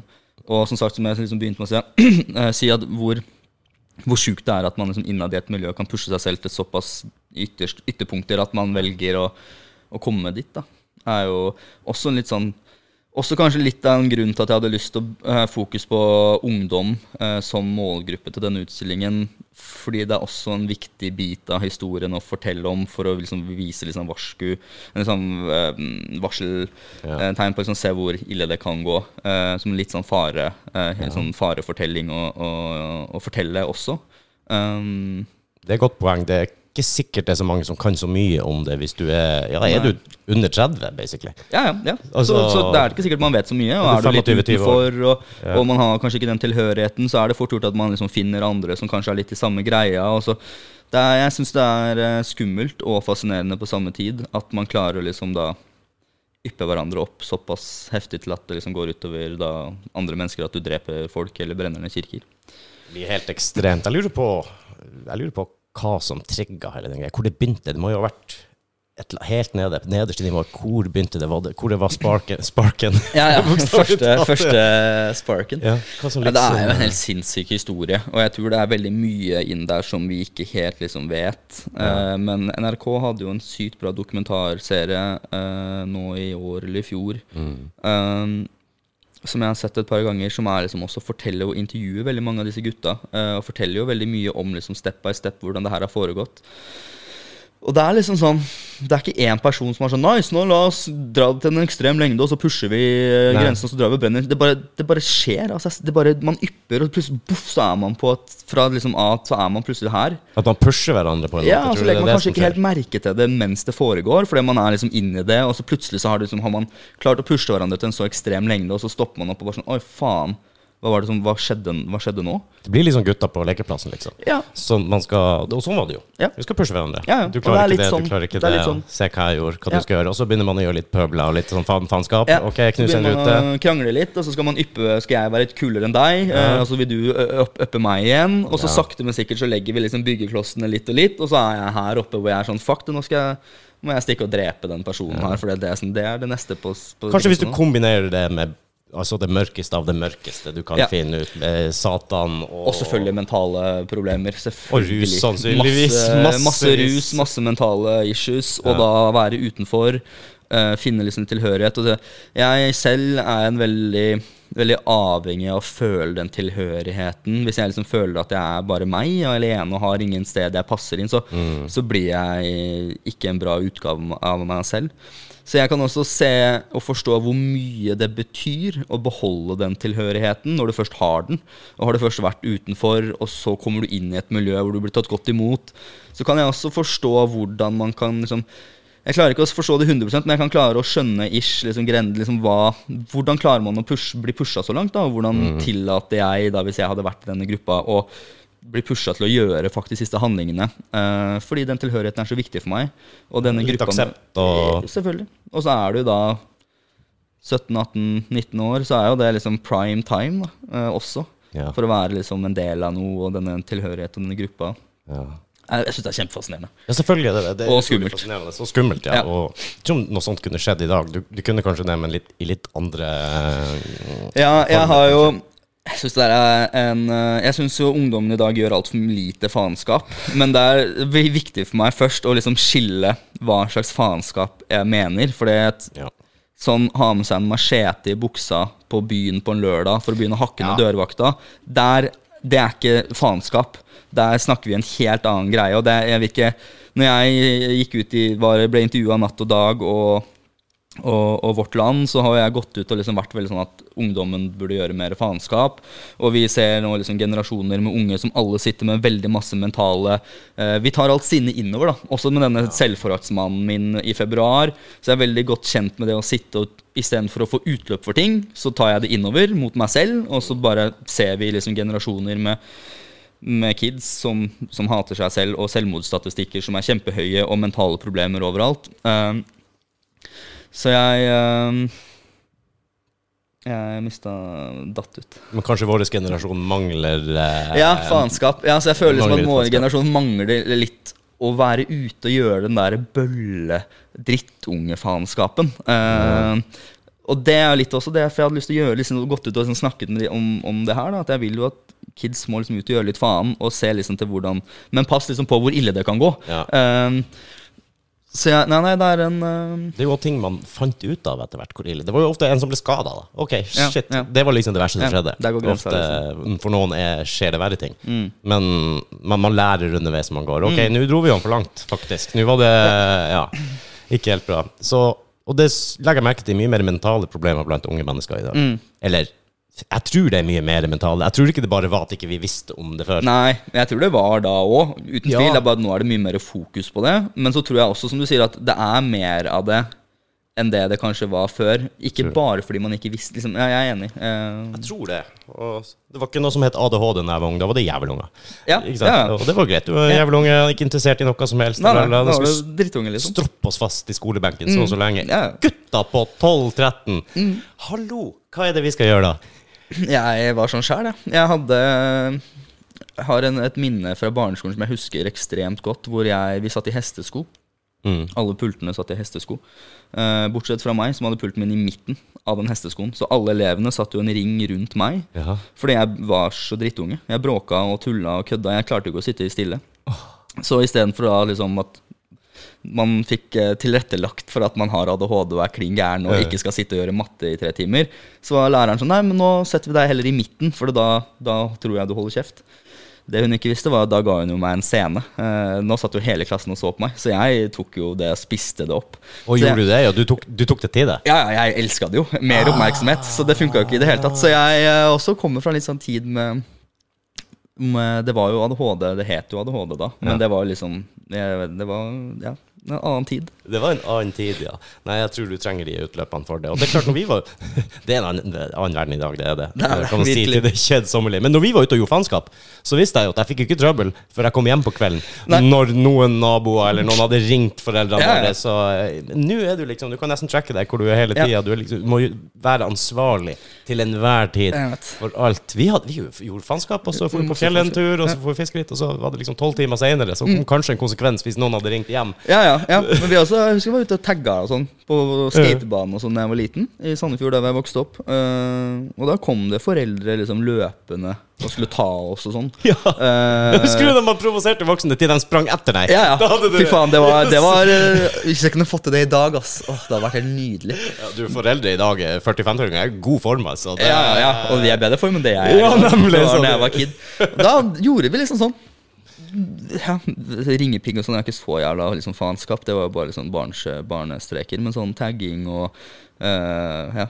Hva, hva annet gjorde dere da? Sånn typisk faenskap en uh, torsdagskveld. eh, Det var mye sånn terrorisering av liksom naboer og sånn. Sånn eh, las, Vi hadde alle sånn laserpenner og sånn. Men ikke, var så high-tech, dere. ja, ikke sånn liten sånn rød, men sånn som en eller annen hadde fått med seg fra en bror som hadde vært i Thailand. Sånn du kunne lyse på flya Ja, og som sånn. ikke er lov Ja, i Europa. uli strengt ulovlig. Sånn hadde vi alle sammen. Uh, så jeg husker jeg satt og lyste liksom inn i TV-en til folk, og sånt, og de, de kom og ringte på døra til faren min, og jeg liksom fikk uh, gjennomgå. Ellers så var det liksom standard, eh, standard drittunge. Henge rundt på kjøpesenteren og lage faen, og, og være en bråkete, høylytt drittunge som tar mye plass. Ja. Det er, jo, det er jo sånn det blir, da. Man må jo finne sin arena. Vi, vi var jo ikke så mange, og vi hadde ikke noe kjøpesenter. Vi hadde ikke butikk, vi hadde, vi hadde ingenting. Ikke sant? I fjor så var vi 10-15 stykker. Sånn. I alle aldre. Mm. Altså, det var de minste som knapt klarte å holde følge, og så var det de eldste som egentlig var for gamle til å være med. Ja, Men ja. hva faen, dem hadde ikke noe sted å være, dem heller. Det var ingenting der. Så ok, alle sammen var ute og gjorde faenskap i lag. Ja, Og øh, du som springer saktest, du blir tatt denne gangen. Ja, ikke sant? Så de, de store gutta blir jo aldri tatt. Nei, De- de nei vi hadde, det var ikke så um, Når jeg vokste opp, når jeg begynte på ungdomsskolen i Lørenskog, så var det jo litt hardere miljø. Mm. Så der når vi var ute og gjorde faenskap da, så var det mer sånn Da var det slåssing og sånn. liksom da var det, ja, ja. Men da var det ikke sånn Det var fortsatt ikke sånn machete i strøget på en lørdag kveld. Eh, som er, det er det er helt sjukt. Men det var litt mer sånn vi var eh, Skulle liksom bråke litt og var litt sånn Mm. eh, Men det har jo ting som jeg har lært jævlig mye av. jeg har vokst opp og lært måte, min plass. Eh, Jeg har blitt jekka ned et par ganger. Liksom, det, er, det er et par sånne ting som jeg føler er, liksom, det er viktig. Ja, er det ikke det å vite Jo. at det er en der som smekker til deg, hvis Ja, ikke du hvis ikke du oppfører deg, liksom. Og Ja. her går grensa. Og, Konsekvenser. Ja, ikke sant. Over grenser så kommer det konsekvenser, har jeg lært. Og det er sånne ting som jeg føler som ungdommen i dag, i uh, hvert fall liksom etter to år med korona, hvor man har sittet inne i to år Det er sånn ut og gjør faenskap. Uh, og hvis jeg kan, uh, kan bidra med å, å fremme det ved å fortelle denne black metal-historien og hvordan dette var på 90-tallet, og, og, og, og, dra det liksom videre ut og, oppfordre ungdommen til liksom faen, gå ut og lag noe faen og ha det gøy, og ikke sitt hjemme og bare hat dere sjæl. Ikke gjør som jeg gjør. så så hvis en eller annen kid gjør det, så har jeg gjort en god jobb, føler jeg. Ja. Da, da er det mål, mål og mening med det, og jeg, ja, får, jeg får noe igjen for det. Det er litt interessant, egentlig. Men ikke brenn ned Nå må jeg se kameraet der. Ikke brenne kirker, folkens. Det, men, men finn på faenskap. Lag heller ekstrem kunst, lag ekstrem musikk. Lag, Ja. gjør liksom, Få utløp for ting på en annen måte, på ekstreme måter, som Mm. ikke er å gjøre ekstreme handlinger som å brenne en kirke, men ta inspirasjon for det, eh, fra det, og, og finne en egen måte å gjøre noe ekstremt og sykt på, liksom. eh, Som ikke skader folk, da. Helt riktig. Og det å, å være involvert i noe, møte folk, finne din plass, Mm. se at du slipper ikke unna med alt. Eh, kanskje og også at det er noen andre enn foreldre og de beste venner og familie som sier ifra. Jeg hørte jo aldri på noen, noen jeg kjente sammen. Hvis det var noen andre som kom og Mm. ga beskjed om noe, det, det er jo det du husker. Som faen. Jeg, jeg, fikk juling et par ganger hvor jeg eh, i sånn ADHD-rus liksom Når jeg får overtenning Jeg fikk overtenning når jeg var liten. eh, så var det jo ikke Det gikk jo an å stoppe meg. Jeg hadde jo altfor mye energi og syntes jo alt var dritgøy. Og jeg var den morsomste personen i verden når jeg fikk overtenning. Og alt jeg sa, var bare hysterisk morsomt for meg. da Ja. jeg har blitt jekka ned og, og fått et par liksom, ørefiker et par ganger som er sånn Oi, fuck, jeg må passe på hvor, liksom, hvem jeg snakker til. Og det er jo ting som har jeg har lært et sykt mye av til mitt voksne liv. Det husker du. Eh, husker det som det var i går. Ja. Sånne ting former deg jo. Det har forma meg til den jeg er, og jeg Ja. tror også det er en, veldig, det er en sykt viktig bit um, for alle, tror jeg. Jeg tror det. Og det er som du sier, den covid-tida eller pandemitida hvor man var to år inne og Mm. ikke gjøre noe. Tenk deg som jeg, jeg, jeg tror det er en sånn liten sånn eh, sprik her på folk som fikser det helt greit, men jeg tror hvis du bare er ung nok, så kan det der være helt kritisk. Ja. Det kan være helt kritisk. Uh, Jeg syns det er skummelt. ass. Ja, det er skummelt. Vi kommer til å se noen ringvirk- effekt av det der, noen ringvirkninger om eh, noen år. Når de som var 16 år når korona kom, som slapp ut når de var 18, eh, eller som var 17 og slapp ut når de var 19, som ikke De to årene der, når du er liksom 16, 17, 18, 19, to år mellom der, der lærer du jævlig mye, ass. Og det Hva du liksom, gjorde når du var fra 16 til 18 år, hva gjorde du da? Da gikk jeg jo på Hvor går det da? Går det videregående? Ja, altså stort Ja, sett, ja. Da lærer du jo alt dette med liksom, drikking, du lærer sosiale normer, du lærer liksom hva som er lov og ikke lov med tanke på liksom, jenter og flørting og kjærlighet Ja. og liksom, kjærester. Du lærer om liksom Ja, du lærer så sykt mye, da. Normer og regler. Du lærer hva du skal si for å få smekk i trynet av liksom, den andre ungdomsgjengen. Du lærer hva du skal si for å ikke gjøre det. Mm. Uh, du lærer på en måte hvor list, du, du, får, liksom, ja, du får lære hvor lista ligger, da. ja. Hun skal du ligge unna, hun skal du Ja, ikke sant? Og så har du Altså- sittet hjemme på gutterommet i to år og spilt COD med gutta, eh, og så kommer du ut, og du er 18 år, og du skal da begynne å dra på byen, og du har to år uten noen av denne opplæringen her. fuck, ja, det sier du nå. Da er det jo Hva, eh, ja, ja, det er jo barn Eller- i hodet liksom som skal ut og da få lov å drikke alkohol. Uh, det er bare sånn, det er, det er dritskummelt. Hva når de er 30? Uh, uh, Ja. ja, det er en, ja, det, Kanskje de må hente seg inn igjen tidlig i 20-årene, rett og slett. Og Jeg- bare- jeg- jeg håper det. Jeg Jeg håper håper det også. Men du har jo også de som er enda yngre, som liksom ikke har noe immunforsvar, for de skulle vært i barnehagen de to årene. ja, ja, ja.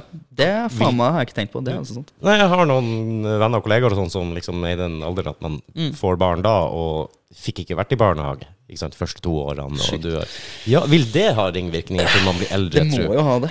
Du skal jo, når du, fra null til to år, så skal du jo ligge på bakken og spise jord og stein Ja. og eh, ja, snørre til naboen og eh, alle de her tingene. Det, det er jo sånn man gjør. Og hvis du bare tar det helt vekk Nei, det er ikke godt å si. Nei, det er skummelt. Så nei, kirkebrann eh, kom mye ut fra liksom alt dette her. Uh, men jeg har gått og liksom bært, jeg har gått og bært på det i to-tre år. Mm. Uh, og det er det med det neste ting jeg planlegger å jobbe med òg, som jeg ikke har lyst til å nevne, si ennå. Uh, jeg har også en sånn ting som er en sånn tanke jeg, bare sånn, jeg har hatt den med meg nå liksom fem-seks år. Ja. Bare ikke visst hvordan jeg skal gjøre det, eller hva jeg kan gjøre. Jeg er bare sånn, Det her må jeg gjøre noe med.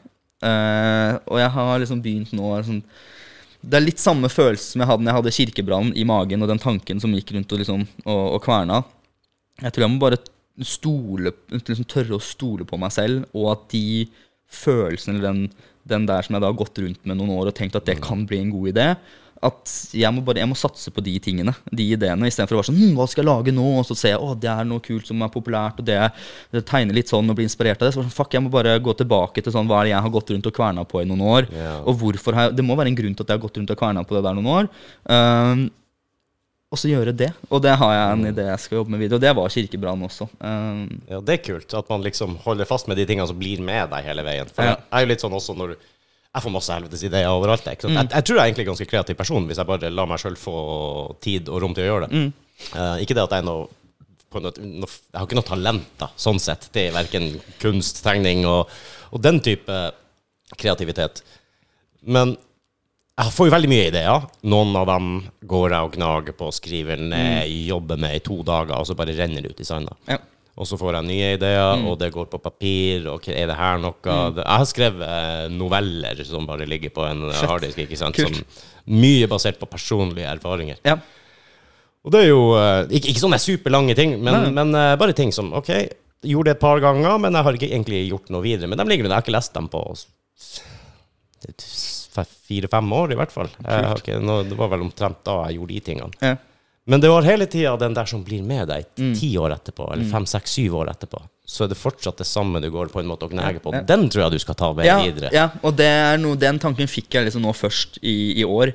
Ja. Hvor jeg gjorde kirkebrannen. Og så er det sånn, fuck, det der er en sånn ting som bare, jeg har hatt med meg lenge. Ja. Og så ble det veldig bra, og fikk veldig gode tilbakemeldinger. Og det var helt sykt mye mennesker på den utstillingen. Mm.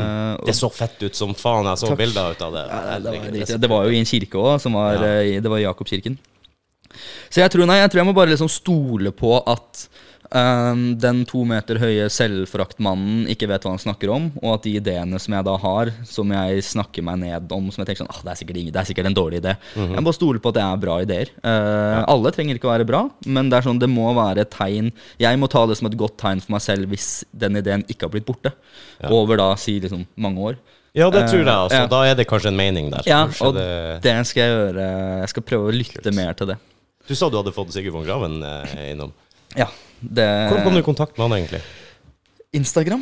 Jeg sendte Instagram han en melding fin, på Instagram en dag. Det er en morsom historie. Jeg sendte han en melding, og så skrev jeg at eh, For, det, for to år siden jeg lagde det første kirkebrannbildet, så annonserte jeg det ut på Instagram, og så var han inne og, og lika det. Eh, og det husker jeg var sånn Jeg hoppa opp i sofaen og var sånn What?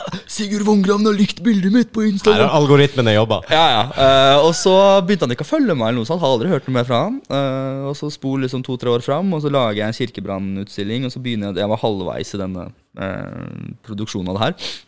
Og så sender jeg han en melding. Uh, fordi mm, jeg tenkte sånn det her, Hvis han likte det her for to år siden, så må, kommer han til å digge det her. Jeg er mye flinkere nå enn jeg var for to år siden. Eh, jeg har lyst til å vise han det. Og så har jeg lyst til å få synlighet. Jeg trenger at folk vet hvem jeg er og, og hva jeg driver med. Så hvis jeg gir han et maleri, så kanskje han legger det ut på Instagram. Og han har jo rett hjem hos målgruppen min. Mm. Um, så jeg sendte han bare en melding en mandag eller noe. Uh, uh, velkommen, vil du gjerne, jeg vil gjerne invitere deg til studio og vise deg disse kirkebrannbildene uh, og gi deg et maleri. Og så gikk det en dag, ikke noe svar. Gikk en dag til, så han hadde lest meldingen. Eh, ikke noe svar. Eh, så det var liksom jeg våkna en uke etter på fredag morgen, hvor det sto bare sånn Du er flink. Punktum. Dette får vi til. Punktum. Åh. Og jeg bare sånn hva, hva betyr det? Kommer han på besøk i dag? Kommer han om en uke? Kommer han, Hva, hva faen betyr det her? Jeg, det, han, han er så kryptisk og mystisk. Eh, og jeg har jo aldri mm, møtt han og kjent han på en sånn personlig måte før eh, jeg møtte han nå. Faen, for en fascinerende fyr, ass. Eh, på godt og vondt, men liksom så sykt sær. Eh, og så egen. Og det var noen puslespillbiter som bare datt på plass i hjernen min etter jeg hadde møtt han. Hvor jeg var sånn Hvordan kan han være så selvsikker og så trygg og så rolig i seg selv? Sånn har jeg også lyst til å være. Uh, og han vet jo hva faen han driver med, liksom. Han vet hva han kan og hva han gjør, og han gjør det bedre enn veldig mange andre. Så sånn, jeg, jeg, vil, jeg vil også være sånn. Uh, så siden sommeren så har jeg liksom prøvd å, å channele min indre Sigurd. Uh, og de gangene jeg liksom har hatt ja. De gangene jeg har hatt uh, dokumentarvisningen og jeg har vært nervøs og stressa og sånn, så har jeg bare tenkt sånn Hva hadde Sigurd gjort? Og Sigurd hadde gjort? sittet der og gitt totalt faen i hva noen her tenkte om han. Og så hadde han gjort sin greie, og han, han driter i det. Og hvis ikke folk liker det, så fuck dere. Og så går han igjen. Og jeg var sånn, hvorfor, jeg vil også være, hvorfor er det så viktig for meg at alle skal synes det her? Jeg må, jeg må gjøre min greie. Inspirerende, med andre ord. Han, det var sykt inspirerende. Jeg lærte, lærte helt Det, det endra livet mitt de to timene han var Wow. her, eh, vil jeg tørre å si. Eh, selv om det er litt, litt kleint og litt flaut å si det eh, etter liksom to timer. Men det var, han gjorde et skikkelig inntrykk på meg. Mm. Um, og så var jeg var her og malte med noen venner fredag kveld. Den dagen jeg fikk meldinga. Han fikk, våken fikk den tidlig. Ja. Og så plutselig så fikk jeg liksom Vi sto her og malte, vi var sånn tre, fire, fem stykker her. Og så får jeg melding av han hvor det bare står sånn Ja, rett rundt hjørnet. Eh, kom på besøk nå snart. Nei. Og det, bare, det bare klikker for meg. Og jeg bare Jeg er ikke klar! Nei, Blir man klar? Nei, jeg, det er det et godt spørsmål. Så jeg kasta ut alle vennene mine. Uh, på minuttet. Jeg var sånn Alle sammen, dere må ut. Eh, ned på AI Club. Sett dere der og drikk pils. Uh, Sigurd kommer nå. Han skal bare innom og hente et bilde og dra igjen. Jeg kommer og henter dere når det er ferdig. Dere kan ikke være her. Ut! Men det var sammen forståelse, vil jeg tro. Ja, alle forsto det veldig Ja, godt. ja, ja. Det de ikke visste, var at han skulle være her i to timer. Uh, og det visste jo ikke jeg heller. Nei. Så jeg var jo sykt starstruck og oppførte meg Jeg, var jo, jeg sto på gulvet her i to timer. Fordi jeg forventa jo ikke at han skulle være her så lenge. Jeg tilbød han ikke noe kaffe, ikke noe drikke. Vi satt oss ikke ned. Jeg bare sto og trippa på gulvet i to timer. Og, og, og hørte på alt han sa, hadde overtenning.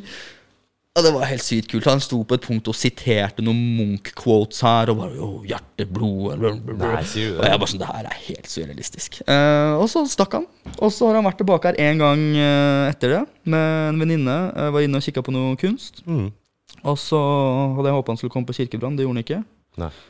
Så nå liker jeg han ikke lenger. Nei, nei, det er bare å blokke på Unfollow, ja. Unfollow. Han har, han har aldri begynt å følge meg tilbake på Instagram, som jeg syns er eh, provoserende. Uh, men det får bare være. Jeg uh... Jeg får klippe det her, og så uh, tagge han. Og så, Ja, gjør det, gjør det. Men han liker sikkert å provosere litt, tror du ikke det? Jo, det liker jo jeg òg. Ja, han, han, han, blir jo et forbilde. Men det at han han har gitt meg ekstremt mange gode tilbakemeldinger, og jeg har fått liksom meldinger som er lange, eh, hvor han forklarer beskriver Han har brukt god tid på det, altså, det setter jeg kjempepris på. Og jeg tar jo det til meg helt Det, er jo helt sykt fett. Men han kommer med masse tips og, og, og tips og hva jeg burde gjøre. Og jeg har sendt han liksom bilder av malerier jeg holder på med, eller sendt bilder av liksom pressemeldinger jeg har skrevet for å få liksom hva syns han om dette her. Um, så jeg får en del hjelp uh, som jeg syns er sykt nice. Det er jævlig bra. Og da er det bra. enda mer provoserende at han ikke har gått inn og begynt å følge meg. For det virker som at han faktisk liker det jeg gjør, og bruker tid på det. Ja. Men nei, ikke faen. Ikke sikkert han er helt på den ballen, sånn som alle Kanskje ikke det betyr noe for han på samme måte. som det betyr Nei, jeg tror, Men, jeg tror sånn, ikke det. En re, at han hadde gått inn og reposta eller tagga, liksom lagt ut en, en, et kirkebrannbilde på storyen sin for meg, var jo alt jeg hadde lyst på. Jo. Det var jo det jeg håpa på, men det Ja. har han ikke gjort. Men uh, det er jo tusen ganger bedre å få den opplevelsen du fikk med at han kom hit, tilbrakte to timer med deg. Ja, ja, det er så mange follows og likes som det Den livskunnskapen som han var her og droppa og la igjen eh, hos meg, Mm. den er eh, Den kan ikke prissettes i followers og, og Nei. postinger. Det er mer personlig. 100 Og som sagt, det endra kursen på litt, litt livet. Det, det snudde skuta lite grann. Mm. Et par grader liksom til høyre eller venstre. Ikke en viss høyre eller venstre, det var feil sagt, men sånn, det, det endra ja, livet mitt litt. Grann. Ja, Til det positive, i hvert fall. På, 100%. Ja, fantastisk, altså. Det var, Jeg lærte mye av det som han sa, og det som jeg ble gående og kverne på i etterkant, etter han var her, Mm. har også gjort mye for meg. Ja, ok. Det vært Du klarer å huske å fiske fram igjen det han har sagt? Og, Ikke alt, var- var men helt- eh, jeg husker på en måte essensen av det viktigste og det han kanskje prøvde å få fram. Og så husker jeg hva jeg sitter igjen med. Uh, Ja. Og det er ofte sånn som liksom, bare den tanken sånn hm, Hva hadde Sigurd gjort her? Uh, Obi-Wan. Uh, typ. Nesten Master, please! Tell me what to do. Pain. Jeg har blitt en apprentice. Nei, jeg uh, syns det er veldig kult. Jeg har jo Jeg er jo godt kjent med Liker jo veldig godt liksom band, eh, miljøkultur, og kunne Mm. kommet og hengt med de en gang i studio og sånn. Det hadde vært helt sykt fett. Ja, ja. Eh, har god erfaring med det fra Blood Cargo og sånn. Skulle til å nevne det. Ja, ja. Du var vel liten sånn oppåklatt på eh, Jeg var, eh, var roadie, jeg. Jeg solgte merch og mm. bærte ting. Det er bra, det. Og drakk alkohol. Lagde faen. Lagde faen. Ja, men Pissa på bilene i Stockholm sentrum og gikk rundt i bar overkropp og, og lagde faen. Trodde jeg var rockestjerne.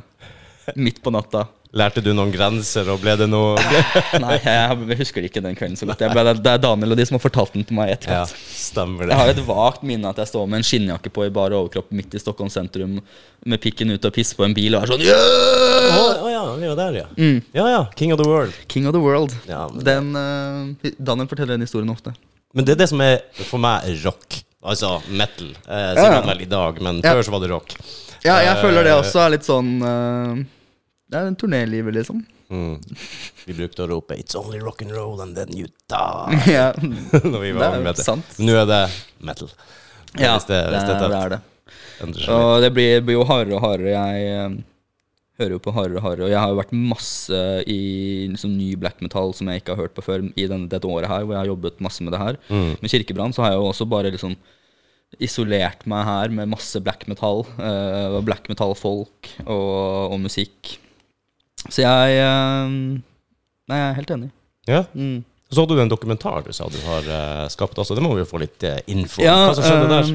Mannen henger heter den. Den ligger på YouTube Ja. og Vimeo. Det er Christian som lagde en min-dokumentar om meg for to år siden på sånn åtte minutter. Mm. Som hadde lyst til å følge meg og liksom lage en oppfølger. Det er, det er på en måte en type oppfølger, men samtidig ikke. Okay. Uh, Du kan jeg- isolert se den ja, eh, her uten Og den varer i 18 minutter, uh, så den er ikke så lang. Uh, og jeg vil heller at folk ser den her enn den før. Eh, den før er veldig gammel og blir veldig sånn mental helse-fokus. Jeg brukte mye, jobba mye med de tekstene og sånn. Og det er jo den her og handler jo mye om selvforakt og denne kunstutstillingen jeg har. Og at jeg prater mye om dette, mine tanker rundt selvforakt og sånn. Og jeg har jo filma mye her i studio når jeg sitter og lager denne figuren. Og litt av greia at han hadde også lyst til å følge meg, var at jeg skulle gjøre noe jeg ikke hadde gjort før, som å jobbe med gips. Uh, Ja. For det hadde jeg aldri gjort noen gang. Så han er liksom med meg i desember, januar og februar fram til den utstillingen i starten av februar, hvor jeg lager ting og jobber med det, prater mye om det. Uh, Intervjua meg et stykke i etterkant òg. Uh, typ lenge etter når utstillingen var ferdig. Har en del av utstillingen med, også dette når vi brenner denne figuren er liksom ute. ja. Uh, så det er en type sånn minidokumentar hvor jeg prater uh, masse, som vanlig. Og, og jobber med denne figuren. Reflekterer masse rundt selvforakt og, og liksom mine egne tanker rundt dette her. Så hadde vi en premiere på Vega scene i august, som Mm. ble utsolgt. Som var jævlig kult. Dette her er jo Christian sitt prosjekt. Jeg, jævlig ekkelt å på en måte lage en dokumentar om seg selv. Uh, så det vil jeg ikke ha på meg. Nei, jeg har okay. jeg, ble, jeg ble spurt om han kunne få lov til å følge meg, og jeg Mm. takket veldig ja til det. Syns jeg er kjempegøy. Uh, men det er på en måte det er Christian som har uh, full ære og, og produksjon på dette her. Jeg har bare babla. Og Hva han het Christian? Christian Sø... Satte deg eh, Ja. på spissen der. Det gjorde det. Må gi en name drop, en shout-out til han. Det burde jeg huske lurer på om jeg skal lage Christian Søgaard heter han. Christian Søgaard. Ja, jeg var, det hadde det på tunga. Uh, han er ekstremt dyktig til å lage Han, han gjør ikke bare dokumentar, han lager alt av film. Uh, Ja. Og gjør mye liksom, musikkvideoer og, og mye annet, sånn spillefilmer også. Han er Mm. sykt flink regissør, director og sånn. Uh, så det er han som har jo hatt det er han som har styrt alt. Eh, lagd plotline og story og fulgt med og intervjuer og filmer og klipper og um, ja, hele, Du har bare vært der sjøl? jeg har bare kost meg. Jeg har bare tusla rundt og lagd faen. Uh, og prøvd å lage kunst som provoserer. Så det var en helt syk opplevelse som jeg aldri har vært med på før. Det å sitte i en kinosal med 80 personer. uh, var- både kjente og ukjente. Ja.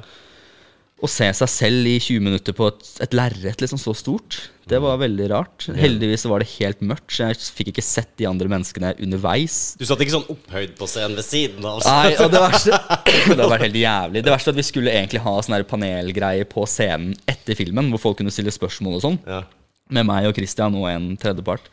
Og jeg tror jeg grua meg sikkert i tre måneder, uh, typ sånn hver dag, Oi. til det. Ja. Eh, og da var det, sånn, det eneste jeg klarte å tenke var sånn, åh, jeg må bare, jeg må bare dra fram min indre Sigurd. Og så må jeg bare være Sigurd på scenen der og bare Jeg bare er trygg. Men det ble bytta sånn en uke før. Så var det sånn, nei, vi tror vi skal ha en sånn mingling på noen pils og sånn et annet sted etterpå istedenfor. Sånn, fuck, nå har jeg gått og grua meg i tre måneder Ja. og ikke sovet fordi jeg har liksom pla tenkt på det scenarioet i hodet. Så det, det kunne, kunne vært en sånn liten sånn ved siden av. Ja, faktisk. Det kunne vært det. Ja. Men jeg hadde et punkt hvor jeg sto og tok imot alle. Og velkommen, som sa velkommen, meg og Christian, når folk kom. Så Ja. de gikk inn og satte seg i salen. Så når det var liksom eh, en fullsatt sal når meg og Christian kom inn i salen og jeg skulle gå og sette meg, og så var det selvfølgelig holdt av plass på andre siden av salen. Oh, ja, så så jeg måtte må jo inn, det var fullt pålyst. Alle satt der, og jeg må liksom gå gjennom da eh, hva, Hvor faen ser jeg da? Da gjør du sånn. Ja, nei, uff. Jeg var sånn, ok, Skal jeg se rett fram? Skal jeg se på folk? Skal jeg smile? Skal jeg se alvorlig ut? Skal jeg skynde meg fram? Skal jeg, liksom, Ja. Alle disse tankene, altså tusenvis av tanker. Og bare sånn, ok, men bare Ikke vær klein, bare se fram. Det var en, uh, en opplevelse. Ja, jeg tror det krever litt trening å ikke overtenke de tingene der, og bare være seg sjøl, faktisk. Ja, Det krever litt å bli Sigurd. Du må være litt Sigurd. Eh, Ja, Det krever litt å channele din indre Sigurd. Da må du på en måte Den tryggheten og denne selvsikkerheten kommer jo fra et sted. Mm. Eh, og for min del så må den komme fra at jeg gjør ehm, At jeg produserer og gjør ting som er bra. Sånn at jeg sakte, men sikkert kan overtale meg selv til liksom tro på at Oi, shit, dette her kan jeg jo. Dette her er jeg jo flink til. For den to meter høye selvforaktsmannen står og skriker dritt hele tiden. Og jeg har jo hørt på han i 30 år. eh, og først liksom, det er først i sommer jeg møtte Sigurd. Eh, denne selvforaktsmannen har, har jeg kjent i, i 30 år. Så det at stemmen til Sigurd eller de tingene som jeg tenker basert på det han sier, de er kanskje veldig, de er en veldig lav, mm, rolig lav stemme, mens min egen selvfølelsesstemme er veldig høy. Um, så det er liksom eh, Det tar litt tid. Så inni hodet ditt så er det han der store mannen mot Sigurd som står og Ja, Det høres ut som jeg er, eh, burde blitt lagt inn et eller annet sted når du sier det på den måten. Men det er, eh, alt, alt er jo meg. Men uh, det er på en måte jeg som prøver å overtale meg selv til å ikke tro på mine egne kritiske tanker. Eh, og det at Sigurd kom og snakket og var på den måten han var, ga meg litt mer ammunisjon, kanskje, hvis man skal se det sånn billedlig, i hodet mitt til at jeg har litt mer å jobbe med for å, å overdøve den stemmen. da. Eh, og det satte jeg veldig pris på. Det hadde jo vært mye bedre å få en sånn type stemme istedenfor 100%, å være ja, ja. avhengig av han tometringen Ja. for å kunne lage noe Ja. fordi du hater deg. Ikke sant? Uh, Jeg syns det er en vanskelig greie. Det er en sånn, det er sånn Jeg har ikke klart å lage kunst som jeg selv syns er bra, når jeg har det bra. Uh, så jeg er på en måte også avhengig av denne to meter høye mannen på en eller annen måte. For å f få liksom denne Jeg har ikke lyst til å lage positiv og hyggelig kunst. Eh, jeg har lyst til å lage depressiv og provoserende og brutalt ærlig kunst som gjør at folk enten liksom var sånn Uff, nei, det her kan jeg ikke ha hjemme, som jeg begynte med å si. Eh, men at de føler noe, og det er noe mening, og det er et eller annet jeg, jeg stikker et eller annet sted som det gjør litt grann vondt. Istedenfor å lage liksom so flotte bilder som, som er med soler og sjiraffer og ting som kan være fargerikt og kult, som ser pent ut, som også kan være bra kunst. men ja, så jeg er litt avhengig av denne to meter høye mannen også. Hadde jeg bare vært blid og positiv og bare hatt Sigurd positiv stemme i hodet mitt, så veit jeg ikke om jeg hadde klart å lage noe bra da heller. Så jeg tror det er en balansegang her. Men uh, det er interessant det her. I alt det her så er det Sigurd som er lyset. Eh, tenk på det! Tenk på det!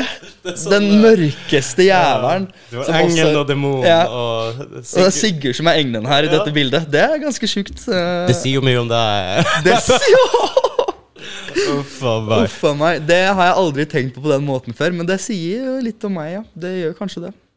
Nei da, men det er kult. Det er at du- gøy. Det er gøy. Det er kult. Du er jo veldig oppmerksom på de tingene. da Og du er skjuler det jo ikke for noen at man kan ha negative følelser. Man kan uh, Altså, det er sånn. Det er sikkert mange som har det sånn. Det jeg blir overraska over det når jeg har utstillinger og viser fram disse bildene, hvor mange som kjenner seg igjen, og hvor lite alene jeg egentlig er, og hvor lite unik jeg egentlig er i disse negative følelsene og tankene. Um, så det er jo fint, det òg. Og det er sikkert noe terapeutisk over det å kunne Det må jo være. og, Ja, bare sånn som å manifestere han mannen. Mm.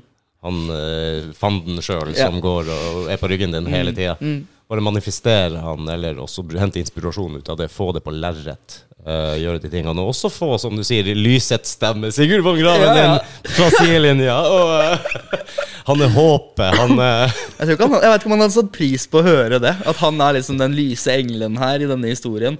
Uh, men det stemmer, det. det Selv Lucifer var vel det for sine demoner. må jo ha vært det. Ikke må sant? det. Ja, ja. Man Herregud, absolutt. Det er godt sagt. finner mening i det. Mm. Man gjør det. Har du, har du vurdert eller eh, tenkt eller prøvd å utfordre deg på andre måter kunstnerisk? Ja, Øh, og jeg har jo lyst til å, å utforske nye ting hele tiden. Eh, prøve nye stiler, lære noe nytt, bringe inn noe nytt. Men også liksom beholde visse elementer fra gammelt av. Eh, men sånn som kirkebrannegreiene er jo noe helt nytt. Men det er jo samme type outline-strek som jeg hadde helt i starten med bilene og alle liksom, tegningene jeg hadde. Men det er bare videreutvikla til noe mer. Um, alle disse graffiti, street style-greiene som jeg jobber med, og de barnetegningene som jeg har laget i det siste, er jo også nytt. Og jeg har ikke gjort så mye kritt og sånn oljepastell før. Nei. Men streken og ideen og tankene og hva jeg tegner, er jo mye basert på de tingene som jeg har gjort før. Ja. Men det er bare gjort på nye måter, og jeg har lyst til, har lyst til å liksom prøve nye ting. Uh, fordi jeg syns det er den største utfordringen jeg har, er å tillate meg selv å gjøre nye ting som ikke folk automatisk kan se på og vite ah, dette er Elias. Hvor det er sånn, hva her er det, det her kunne vært en annen kunstner. Det syns jeg er utfordrende, for da tenker jeg sånn, Å, da vet man jo ikke helt hva man driver med. Uh, men samtidig så lærer jeg jo mest av å prøve nye ting. Jeg lærer mest av å liksom gjøre en serie med Sånn som uh, selvforakt-greiene. Alt er tegna med kritt. Uh, det er noe spray og sånn, men det aller meste er liksom kritt. Fargekritt. Eh, som jeg ikke hadde gjort før. Og det var sånn sykt gøy å holde på med det. Og kanskje ikke det at jeg kjennetegner så jævlig liksom Elias Forberg-bilder, men det at jeg gjorde det, har gjort at når jeg nå jobber med kritt nå, i tillegg til tusj, så plutselig så blir det en helt ny greie, men du kan se at det er den samme streken, det er samme duden som har laget det, selv om det er helt forskjellige greier. Så jeg syns det er en veldig sånn utfordrende prosess. Uh, for det, igjen så er det bare mine egne tanker og tvil rundt hva faen jeg driver med som blir utfordra. Og hvis ikke man bare gjør den ene tingen som man har gjort hele veien Jeg prøver ofte å tenke det som at jeg skulle vært et band. Ja. Uh, hvor jeg tenker sånn Ok, vi lagde ett jævlig bra album i fjor. Hvis, nå har vi fått en fanbase på det. Hvis vi skal lage et nytt album i år, så eh, jeg da som fan ville jo gjerne hatt et nytt album som er helt likt det som kom i fjor, for det digga jeg så jævlig fett. Og så blir som regel fans sure når de prøver en ny retning. Og det har jeg alltid blitt når jeg har vokst opp også. Så jeg er sånn, faen, Hvorfor kan dere ikke bare gjøre det dere gjorde? Det var dritbra. Er det her for noe tull? Ja, drit i å utforske noe nytt. Men det er sånn, når jeg begynte å jobbe med det her, så skjønner jeg også hvorfor de er sånn Hvis jeg har lyst til å utforske nytt, så, så fuck alle dere andre, liksom. Uh, og der kommer også Sigurd veldig godt inn. Uh, og måten han snakka om liksom, hvordan de lagde Satyricon-platene på, og uh, hvor han er bare sånn Vet du hva, jeg vet best hva black metal og Satyricon er. Eh, Disse her vet ikke det. Eh, Det er faen meg et godt poeng, altså. ja, så jeg, det er en sånn prosess som jeg, jeg prøver og feiler hele tiden, men øh, jeg prøver å igjen, det, Hvis jeg kan ha liksom en mening med det en, en, For meg så har jeg en betydning på hvorfor jeg gjør det her. Så, så kan jeg på en måte komme unna med det for meg sjæl. Når jeg nå har en periode hvor jeg liksom bare skal leke og tulle og prøve nye ting, og ingenting skal egentlig bli noe, Nei. som burde jo vært den morsomste perioden. Det syns jeg er helt jævlig. Og jeg har ingen mål og mening med hva jeg driver med. Jeg vet ikke hvorfor jeg lager de bildene jeg gjør. Jeg skal bare lære nye ting og prøve med nye farger og sånn. Som burde vært kjempekult. Og det bare Jeg hater det. Uh, Du og- finner ikke noe inspirasjon nei, i nei, det, Jeg vet ikke, jeg skjønner ikke hvorfor jeg gjør det jeg gjør. Uh, og det blir ikke Og så kan jeg jo jobbe med en ting, og så går det liksom en måned, og plutselig spør ah, fuck, det ble et dritkult bilde, eller det ble noe nytt, eller det ble noe annet.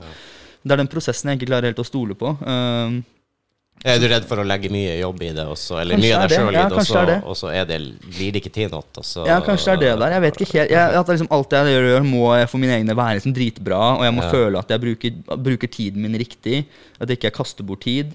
Men så synes jeg det er da jeg har lært mest, de gangene jeg kaster bort tid. Og bare Oi, nå gjorde jeg et eller annet som jeg ikke kan bruke til noe. Og så går det tre år, og så finner jeg fram de gamle skissene. Og så hva fuck, det her er drit... Nå her fant jeg masse! Eh, og det har skjedd flere ganger. Uh, så Og det det kan jo hende det at det du produserer nå, ikke Verden er ikke helt klar for det ennå. Og så kommer det tre år, og så nå er det her Det er flere, eh, det, er, det har jeg faktisk fått høre noen ganger. Det, og at det er sånn Oi, det her er kunst du ikke burde vise i Norge, for det, det her er ikke nordmenn eh, liker ikke sånn her. Det her burde du vist i Tyskland eller i, i sånn og sånn, har jeg også fått høre. Eller at å nei, den er for moderne, eller sånn og sånn. Så skjønner ja, Dritkult å høre. Kjempekult å få den tilbakemeldingen. Men jeg, jeg vet da faen hvordan jeg skal stille ut noe i Berlin. Liksom. Jeg, hvor skal jeg begynne? Jeg, jeg er her, jeg. man, Jeg kan jo tenke meg at man ønsker jo aller helst å bare drive med det man har lyst til å være, den kreative Eller liksom bruke den kreative delen av seg og skape det man ønsker, og være fornøyd med det sjøl. Men det er vel kanskje en del av det gamet, det å tenke utover det. Og tenke hvis, du, hvis du skal lykkes. Jeg tror jo at man lykkes hvis, hvis man legger seg, hele sjela si i det, og du finner noen der ute som Ja, klarer å se ja. det samme som deg, så vil du lykkes. Ja, jeg tror også det. Så er jo det da spørsmålet hvordan finner man dem? Eller ja, hvordan er finner de deg? Da må man jo begynne å tenke litt annerledes igjen. Da må du begynne å tenke litt strategi. Du må begynne Det var da Sigurd skulle reposta noen bilder, vet du. Nemlig, Sigurd. Det var da du skulle reposte noen bilder. Ja. Og så er det jo kanskje fella det å gå og gjøre ting man ikke har lyst til å gjøre, bare for å skape blest, eller få opp eh, likesene, eller er det Det er ikke sikkert Ja, nei, jeg, jeg hørte det Og det er jo sånn som når jeg har gjort mange sesonger med malerier nå, og det er ting som får veldig bra tilbakemeldinger, men det selges ikke så mye. Og så er det sånn fordi folk er sånn det, jeg kan, jeg har ikke, Enten så har de ikke plass til det, fordi det er dritsvært, eller så er det for dyrt. Eller så er det budskap og ting som folk syns er dritfett, men de tør ikke å ha det hjemme. Nei, det er som du nevnte tidligere òg, det er at ok, da Fett bilde, men det passer ikke over sofaen. Nei. Liksom, vi har barn i huset. ja, ja, ja ikke sant? Det, det er det mange som har sagt. stad. Vi har små barn i huset, så det passer ikke. Uh, og det skjønner jeg. Så jeg har Jeg, eh, ja, nei, jeg skal prøve å lage litt mer og så, sånn utfordre meg selv lett på det der. Og så lage ting som Jeg har jo lyst til å lage ting som provoserer folk, og det gjør jeg jo, men det gjør jo at ikke de kjøper det. Så jeg tror jeg skal prøve å lage noe som provoserer meg. Ved at dette her er ikke det jeg har lyst til å lage, Ja. så dette provoserer meg som faen. Eh, Men her er det fargerikt dekor, og det er de, de, bilder og, og, og kruseduller og noen blomster og, og sånn. Og så skal jeg se og gjøre det som et prosjekt, et eksperiment, og se om selges dette mer av det her. Kan jeg da trykke opp et par sånne her som plakater, og så kan det rulle og gå, og så kan jeg betale regningene mine med det her. Og så kan jeg lage brutal og jævlig kunst etterpå. Og så blir det Det var en som sa en gang at eh, jeg må gjøre en for de, sånn at jeg kan gjøre en for meg. Eh, og det har vært liksom veldig sånn bestemt på at det gidder jeg ikke. Jeg vil gjøre ting for meg Ja. hele veien. Jeg skal stå på det. Men jo lenger jeg holder på, og jo tynnere det blir i lommeboka, jo mer skjønner jeg litt den greia at ah, kanskje man skal ha en sånn en for meg, en for de. Sånn, uh, Men da skal jeg faen meg gjøre det på en måte som at det er en mening med det likevel. At da skal jeg gjøre det som et prosjekt hvor at jeg skal bli provosert av det jeg gjør, og at jeg skal hate det, mens alle andre liker det. Så ender det med at du, du prøver å gjøre noe nytt, og så går du Uten at du merker det, så skjærer du inn tilbake og så blir det et fruktfat i brann. Ja, ikke sant? Det kan fort skje. ikke sant? Et fruktfat med noe brutale Ja, et eller annet. Banan er spedda, for du skulle ikke gjøre flere bananer, vet du. Nei, Det er, eh, ja, det er sant. altså, det, jeg, synes det, jeg, jeg jobber litt med det, og det er litt av de tegningene som jeg tegna nå også når jeg var på Fleinsopp-trip. er mye farger og mye sånn. Jeg husker at, som jeg, sagt, at jeg satt og tenkte sånn Ja. Å, nå skal jeg bare lage dekor. Fuck alle. Jeg gidder ikke å sitte her og prøve å skrive tekster. Jeg skal bare, nå skal jeg bare tegne en sjiraff med solbriller og Mm. det, skal, jeg skal gjøre en sesong med det. Sånn, er, eh, hvis det kommer på utstillingen som jeg har i slutten av november her i studio, 24. og 25. november, så tror jeg at den eh, ene veggen skal være fylt med bare disse her tingene. Alright. Og det kommer bare til å bli sånne fargerike barnetegninger som passer som dekor, liksom. Folk kommer til å få noe helt annet enn det de er vant med, for Ja. den som følger det. Ja, jeg skal ha kirkebrann her eh, på den ene veggen. Og så skal jeg ha For det, den utstillingen handler jo litt om å bare vise fram det vi har jobbet med det siste året. Fra vi hadde den utstillingen i fjor. Så jeg har jo Selvforakt-serien og Kirkebrannserien er begge gjort i år. Og så har jeg en del nytt som er litt de sånne provoserende dekortingene. Så jeg tror jeg skal ha halve her med selvforakt, halve med kirkebrann, og så blir den bakerste veggen med masse sånne A4, A3-tegninger og prints og litt sånne andre ting. Ja, stilig. Så det blir litt miks. Ja, må prøve noe nytt. Ja, Det er ikke noe tematikk eller Nei. rød tråd i den utstillingen vi har her. Det er mer bare sånn, La oss mashe inn så mye vi har jobbet Mm. med, for å vise bare random shit. Og så blir det en sånn 'velkommen hjem til oss' og se på rotet vårt, hva vi hold, har holdt på med det siste året. Det er kult, ja. Og så får du heller komme på Kirkebrannutstillingen hvis du kun vil se den temaet, eller på Selvforakt hvis du kun vil se det temaet. Mm. Mens her blir det litt sånn plukk og miks-vibe. og det er litt greia. Det er kult. Jeg hadde det veldig fint. Jeg var jo her på utstilling. Jeg hadde med meg sønnen min og kjerringa òg, tror jeg. Ja, i fjor. Og Mattis var vel med òg. Ja, Jeg har noen fine bilder herfra hvor eh, Mattis står og forklarer sønnen min om eh, Ja, ja, ja. Det var, altså, det var veldig hyggelig, det. Og utrolig artig. Det blir det samme, samme i år. Eh, I fjor, så, eller de to årene vi har hatt før, så har vi hatt med oss en tredje person. I år så blir det bare meg og, og Ruben som jeg deler atelier med. Mm. Eh, fordi vi har så jævlig mye kunst å vise fram. Dere har det. Og det er jo dette lille lokalet her, liksom. Så vi bare deler det på to, så han har den siden og jeg har den. Eh, så jeg kommer til å prøve å gjøre det så fett som mulig. Eh, så får komme inn nå. Det står jo for folk som ikke ser, så er det, det er lerret på rekke og rad eh, stående her hele veien. Ja, det er altfor mye, alt mye lerreter her. Ja, men tror du ikke alle kunstnere har Jo, Hvor mange tusen bilder som man aldri har sett? Ja, ja, er du eh, gæren? Liksom, ja, ja. Hvordan det liksom, så ut hjemme hos Munch. Ja. Eller hvordan det ser ut i atelieret til Bjarne Melgaard. Liksom. Jeg kan se for meg at det er kaos. Det må være som stæsja bak et hjørne. Bare Ja, og jeg må bare og sånn som jeg må bare produsere. Eh, og det gjør jo folk veldig forskjellig. Ruben, som maler på andre siden her, jobber jo kanskje lenge med ett stort bilde. Mm. Og så er han her en gang i uka, kanskje. Maler litt, koser seg med det. Han har en helt annen tilnærming til det enn det jeg har, hvor jeg skal produsere og skal, skal utvikle meg og lære noe nytt hele tiden. Eh, og se på det liksom som, jobben min også. Eh, Og føler, ja, da, hvis du gjør det, så føler man jo at du faktisk må produsere. Ja, ja, ikke sant. Ruben volum. er jo på jobb på dagen eh, Ja. i tattosjappa. Og jeg har jo på en måte tatt det året her for å ta litt permisjon og male litt ekstra. Så for meg så står jeg opp på morgenen og reiser ned hit istedenfor å reise på jobb. Eh, så for meg så er jo det her nå jobben min. Eh. Det kan være lurt å ta den tilnærminga, for som vi snakka litt om før vi var på luftet her, Mm. eh, med eh, kjede seg, ledig tid, Mm. rota til alt ondt, og at det kan være noe i de gamle ordtakene der. ja, ja. Og hvis du ser på det her som ikke en jobb, men du tar permisjon fra jobben, så kanskje du ikke føler at du har en grunn til å måtte stå opp noe særlig Nei, tidlig. da hadde jeg jo- holder deg der tre dager i uka, fra ni til Ja, ja. Og så begynner det å så- Da sklir ut. sklir ut det gjør det, og jeg er veldig flink til å la ting skli ut hvis jeg ikke på en måte bestemmer Sånn som at jeg nå har bestemt meg for at jeg skal ned hit hver dag. Eh, og jeg skal være her fra liksom ti på morgenen til jeg ikke orker mer. Uh, og jeg spiser frokosten min her og spiser som regel middagen min her Mm. før jeg stikker hjem. Og når jeg sitter, stikker hjem etterpå, så sitter jeg et par timer og ser på TV bare for å koble helt av. Jo, jo, men det blir jo som om du har vært på jobb, egentlig. ja, typ. Um, nei, så det blir veldig spennende. Jeg eh, prøver å produsere så mye jeg kan, og hadde jeg hatt uh, flere Det eneste grunnen til at det ikke står mer, er fordi jeg har ikke penger til flere lerret. Hadde jeg hatt uh, mer penger, uh, så hadde jeg kjøpt brukt opp mer lerret òg. Mm. Men nå har jeg liksom fylt 30 lerret med kirkebrann. Eh, de er litt spredt rundt nå, jeg har ikke alle her. Mens liksom, sammenligna med Ruben, så har han den, de tre bildene som står der, som han har jobba med nå de siste månedene, som han skal bruke også på utstillingen, Kult. og så er det jo jævlig fett, det er ikke det. Eh, Det er bare at Når han produserer én, så produserer jeg ti på samme tiden. Men det er litt med situasjon, livssituasjon, Ja, og hvem vi er, hva vi lager. lager. ja, Og, ja. Jeg har jo, så var jo sånn fra jeg var liten òg. Uh, Mm. Når jeg ble henta i barnehagen, så kom jeg med et lass med tegninger, mens de andre barna Mm. hadde tegna én tegning.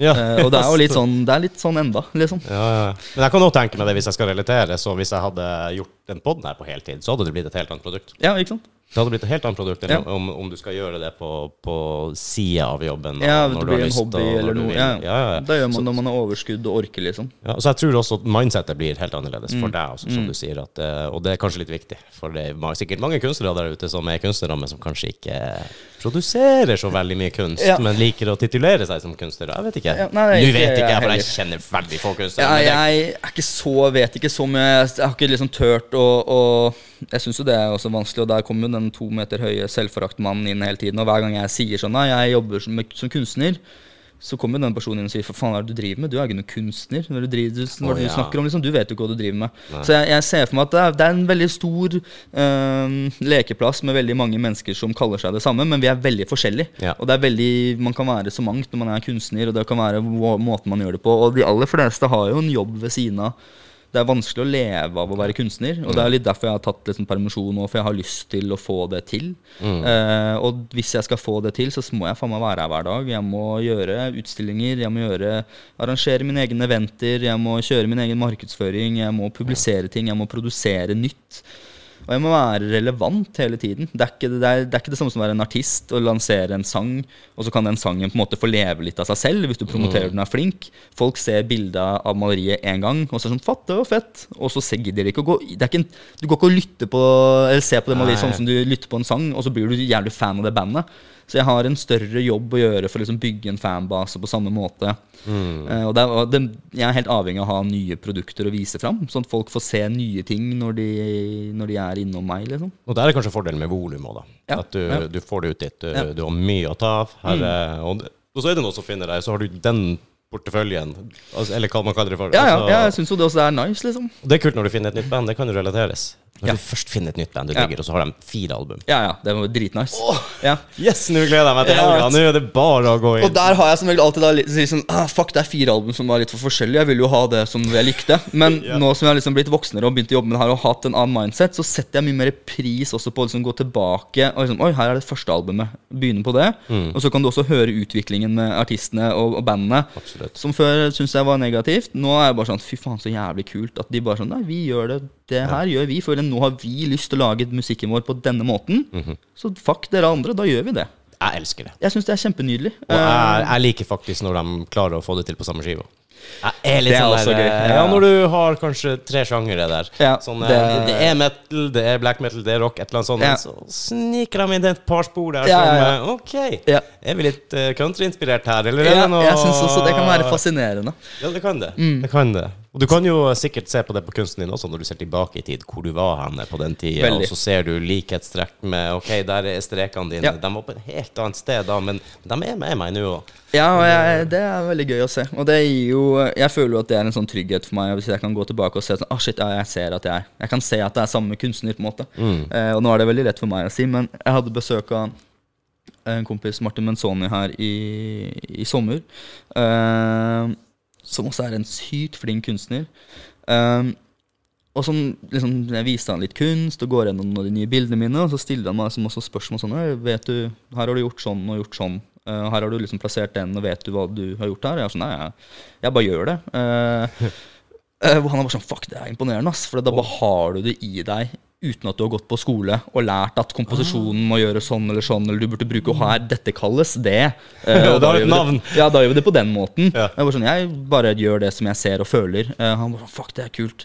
Um, så jeg synes det er litt den derre Det er jo litt kult, faktisk. Ja, det For det er vel det som kalles talent, er det ikke det? Det må jo være det. Eh, Jeg vil ikke tørre Jeg vil ikke være den som sier det. Nei, men jeg sa det, ja, så det går bra. Jeg tar den. Jeg syns det er veldig gøy. Eh, og det føler jeg liksom med sånn musikk og liksom det, alt det her ja, i hodet. Jeg tenker jævlig mye på det her. Eh, så Ja, dette med ja. musikk og liksom artister og hvordan man utvikler seg og hva man liksom Jeg syns det her er dritfascinerende. Uh, Mm. Jeg synes det er kult. Det er kult, det der. Mm. Jeg tror du kan få mye inspirasjon ut av musikk. Altså. Mye følelser. Ja. Og Musikk- og motebransjen, de to er ting som jeg ser veldig til for sånn å hente ting okay, ja. til min egen Du er med på mote Ikke, så, ikke, sånn, ikke sånn sykelig, men sånn jo, Nei, men du har et øye til det? Ja, jeg liker, syns det er fascinerende og gøy, og har jo visse brands som jeg følger med. Og så følger jeg en del sånn random shit som er, sånn, som er helt spasa. Men bare for å se ytterpunktene også. eh, og hvordan folk liksom tenker kreativt. Om du skal lage et klesplagg, eller om du skal lage en sang eller et maleri, så er jo det er jo en kreativ prosess her. Eh, og jeg klarer ikke å få nok av på en måte kreative mennesker som er sånn rundt meg. Det vil jeg gjerne ha så mange jeg kan, for det inspirerer meg som faen også. Det tror jeg du har rett. Så jeg, jeg tar mye Hele sesongkonseptet er jo for liksom bare plukka og stjålet fra Supreme. Uh, hvordan de lanserte kolleksjoner med klær uh, når jeg gikk på videregående. Og folk lå våken hele natta liksom, med Mac-en sin for å refreshe for å komme først i køen for å, når den kolleksjonen slapp. Som de kalte liksom en season. Uh, eller at du har liksom årssong-seasons som liksom fashionindustrien har. Eller hvordan da artister Sigurd snakka om det når han hadde en sånn paneltalk etter Munch-utstillingen. Så satt Sigurd Vongraven sammen med liksom, Ikke sammen med Munch, men sammen med Munch-museet. Sigurd og Munch ja, satt og, og prata om prosessen, hvordan de hadde jobbet med når de plukket ut malerier som sku, Nei, plukket jo maleriene, og hvordan de når de skulle lage eh, et album, hvordan liksom de plukker sanger og sånn. Mm. Og han også, den måten han snakket om det på, var at de liksom alle sangene Hvis du har ti sanger, og du har, ti, du har 20 dritbra låter Alle de ti sangene etter hverandre kan ikke være knallsterke. Eh, du må ha den ene litt dårlig låt Eller ikke dårlig, men den ene litt sånn annerledes låt. Du må ha noe som bryter opp. Og du må ha Og det er også liksom når jeg har utstillinger og har liksom Å, her er det ti dritfete bilder! Så må jeg plukke bort det ene, og så må jeg sette inn kanskje Jeg hadde, hadde jo 30 svarte bilder på Kirkebrann, og så gjorde jeg ett hvitt bilde. Ett inverted bilde. Og når du da liksom fikk satt det, alle de sammen, og så bytta du ut det bildet i midten med et hvitt et, så bare, bare brøyte opp på en helt annen Ja, måte.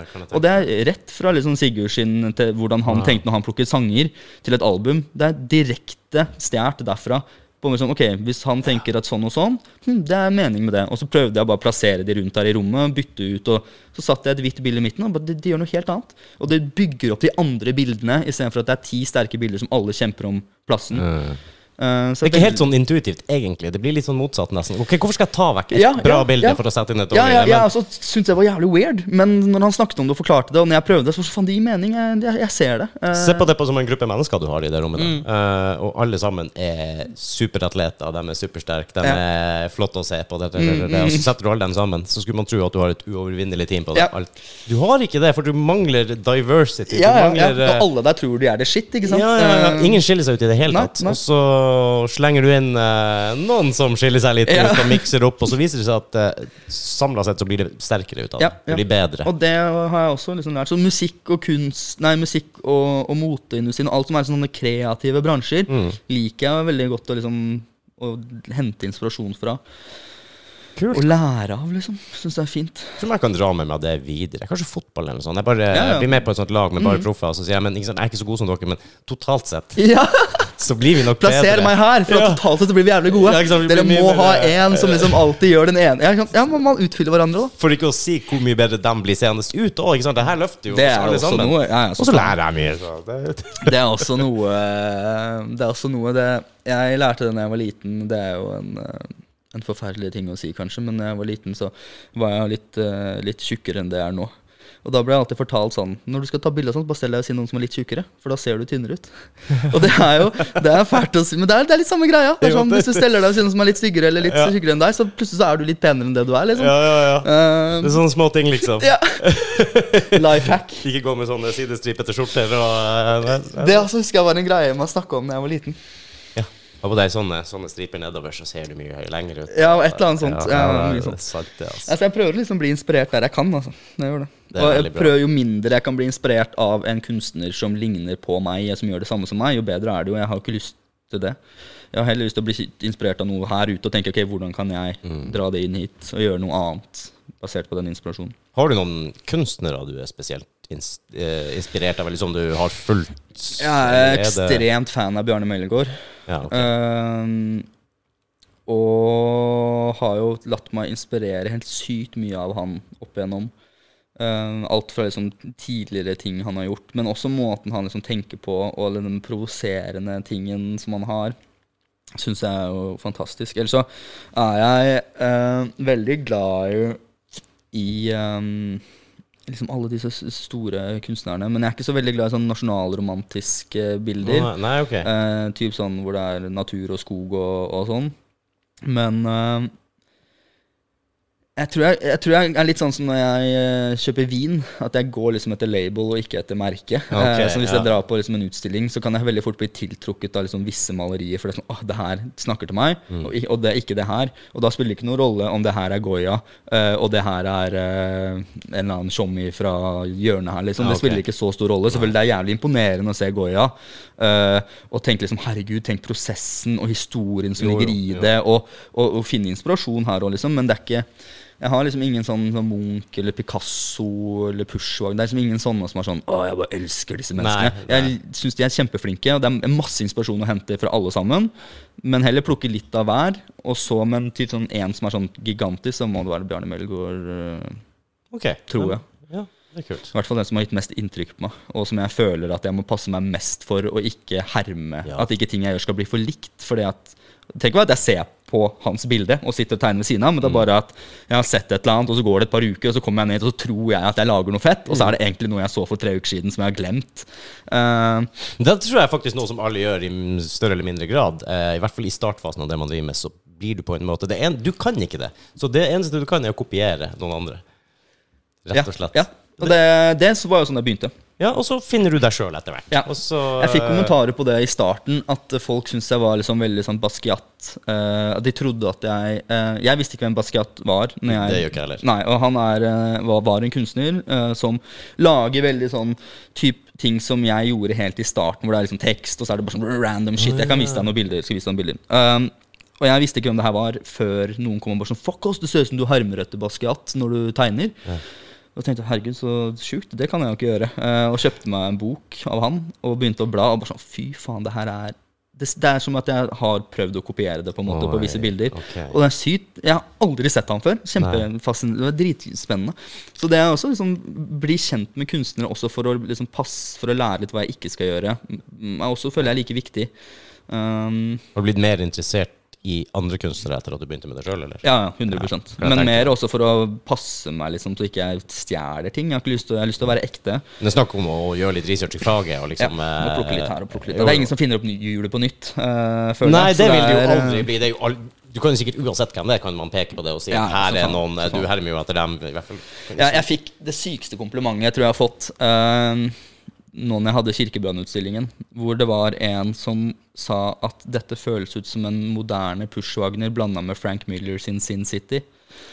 Og det er bare sånn jeg, Det er det hyggeligste noen har sagt til meg når det kommer til liksom kunst, å assosiere meg med, med de to. Ja. Det er noe som kan kunst òg, tydeligvis. Da. I hvert fall ja, Ja, ja, han visste hva han snakka om òg. Ja. Eh, og så er det noen som har liksom sagt at det virker som en litt sånn ung, moderne Munch. Eh, det, den, tør jeg, Åh! den tør jeg ikke å føle på. Men det er også jævlig sykt fett å høre. Men akkurat liksom Frank, eh, Frank Miller og liksom Sin City, og, og det er ting som jeg har vokst opp med, som jeg elsker. Og syns jo Sin City er helt fantastisk. Ja, det er jo nydelig. Ja, ja. Um, og jeg ser jo det når jeg ser tilbake på kirkebrannbildet min. For faen, ja, ja, Jeg er kanskje litt inspirert av det, men jeg har jo ikke og sett på det mens jeg lagde det. liksom Og det, bare, det ligger i meg, da. Og Men det ligger jo i deg, som Ja, du sier. Det er jo der du henter det fra. ja, ja. Så må liksom ja, både lære å se andre kunstnere og ting, både for å liksom vite hvor jeg har ting fra, men også vite at jeg ikke hermer for mye. Men også ja, det både òg. Man gjør det litt sånn, enten man vil eller ikke, så blir du jo litt involvert. Du blir jo litt mer eh, Ja. kjent med, med andre og miljøet og bransjen, og det er vel vanskelig å komme hele tiden, liksom. Man gjør det. Mm. Hvor, man, eh, hvor man kan gå for å finne det du har, uh, har laga og produsert. Nå har du noen nettsider du, du Elias selger alt fra. Forberg, eliasforberg.no. Der ligger eh, maleriene som jeg lanserer i sesonger, de som jeg føler er bra nok til å liksom bli satt sammen til en sesong. De ligger det bilder av der. Mm. En del av det er solgt, noe av det er tilgjengelig. Jeg har en nettbutikk hvor jeg selger en del prints, som også er på samme nettside. Yes. Eller så er det Instagram. Ligger det også en del bilder av malerier som ikke har liksom kommet i en sesong. Som jeg har laget, og som kanskje ikke hørte inn i en sesong, eller som er lagd mellom noe. Som ikke har fått plass et sted. Som også er bilder som er liksom til salgs og kan mulighet til å komme hit og titte på, men de står mer bare her i atelieret, og så er de lagt ut på Instagram. Jeg vil anbefale alle sammen å gå og se Insta Instagram-profilen din, Ja. for den er veldig fin. Takk. Du får uh, veldig mye innblikk i hva du driver med. Takk. og litt sånn behind the scenes. eh, Jeg føler at jeg har ikke lyst til å bare gjøre en profil hvor du ser bare malerier. Nei. Innimellom så har jeg tenkt sånn Oi, shit, jeg har ikke vist malerier på lenge. Jeg må vise mer malerier òg. men jeg prøver å ha en balansegang på sånn hva er det jeg driver med når jeg jobber med det her. Det er litt kult med et sånt stillbilde bare en prosess du ser som er i gang. Et eller annet et halvferdig maleri eller et blankt lerret eller hva det er for noe. ikke sant? Du, Det syns jeg er litt artig. Behind the scenes er alltid kult. Og, og der vil du jo alltid være informert hvis det kommer ut nye ting, og du legger 100 ut Ja, ja. Og jeg er veldig oppdatert på storyen der. Eh, som sagt så er det en utstilling her i atelieret siste helgen i november. 24. og 25. Da Og hvor er vi nå? Vi er i Storgata 9 Yes. i Oslo. Eh, så det er åpent for alle å komme. Jeg kommer til å publisere litt mer på Instagram om det også på Facebook fremover. Men det er også Elias Forberg på Instagram. Ja. Så litt dokumentarer på YouTube. Som, har, Ja, har, du en egen YouTube-kanal? Nei, det er Christian sin. Christian sin, ja. Eh, jeg, han het Nice Film før.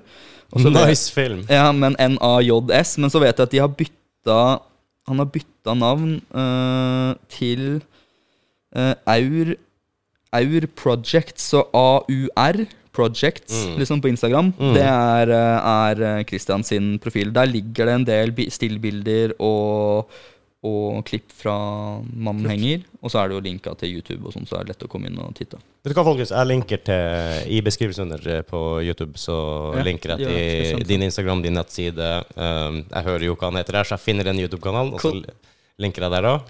Så skal jeg følge den.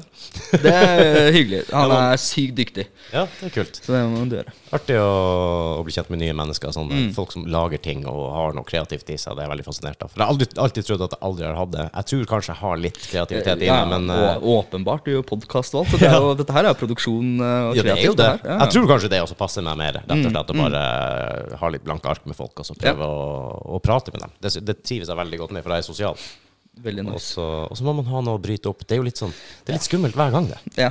Podkast er skummelt hver gang. Ja. Det, det, det er ikke like klam i hendene nå som jeg var for tre år siden, men Nei, eh, jeg merker også at jeg er ikke like nervøs nå som det jeg var første gang jeg skulle være med. Da, er da hadde jeg sånn, aldri eh, erfaring heller, liksom. Nei, du, jeg merker òg det på deg som person nå, at du mye mer uh, gir mye mer av deg sjøl. På hjemmebane òg, vet du. Du er på hjemmebane, vi har møttes et par ganger før, Ja. og nå er praktisk talt bestekompiser, så det Ja, ja, nå er det jo Det føles mye Det er lettere, uh, eh, Det føles lettere nå. Ja. Eh, Jeg har jo også vært her før, så det er ikke helt nytt. Nei, ikke sant? Så det er kult. Og jeg må jo si det, jeg vet ikke om folk Jo, de ser det. Det kirkebrannbildet du har stående der bak deg. Dette her skal til Japan. Skal til Japan. Ja, jeg har en uh, dame i Japan med 300 000 følgere på Instagram som uh, skal ha dette maleriet. Jeg har ingen i Japan som har mine bilder ennå. Så det blir veldig spennende. Er den første, men ikke den siste. Første, men ikke den siste. Jeg har Ja. veldig lyst til å ha en utstilling i Japan, men uh, må begynne et sted. Så jeg har funnet en influenser. Jeg vet ikke om hun er influenser. Jeg har bare funnet en person som jeg matcher litt min greie, og som har mye følgere, og som liker min kunst. Uh, så jeg tenker det er jo en fin måte å komme litt inn i nye land på, og finne noen litt sånn representanter. Ja, absolutt. Det er kanskje ikke så dumt å begynne der nede. Da, hvis du klarer å finne noen der som Ja, eh, er litt liksom artig, altså. Så hun uh, har fått, liksom gått gjennom kirkebrannbildene mine og likte liksom Fantoft best. Så jeg har Mm. laget en custom Fantoft til henne, som står der. Ja, nydelig, Så den, skal, uh, den er snart ferdig, og så skal den pakkes og sendes til Japan. Det ser fantastisk ut. Det, Det er jævlig fett. Og den, den du har på sida der også, den som er i mer eller mindre grått-svart. Eller den, ja. Ja, Det er noe helt nytt jeg har prøvd på.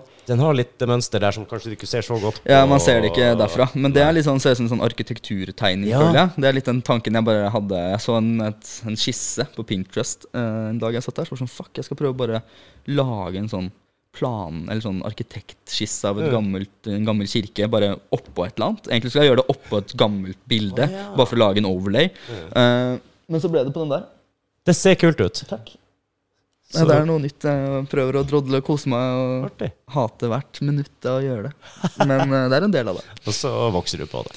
Oh yeah. Ja, fantastisk. Vet du hva, Tusen takk for at jeg fikk lov til å komme til deg i dag. Takk for at du kom hit. Det var veldig hyggelig. Veldig hyggelig, artig å prate med deg igjen. Og det er garantert ikke siste gang vi ses. Det lover jeg. Så skal jeg ta med meg eh, alle jeg kan, komme, jeg kan få med meg ned. Og, Ja, det må du gjøre. Prøve, prøve å få til det. Altså. 24.-25. november, Yes. Storgata 9. sjekk det ut. Jeg skal poste det òg. Takk. Takk, takk. Takk skal du ha. Vi snakkes. Det gjør vi. Ha det, folkens.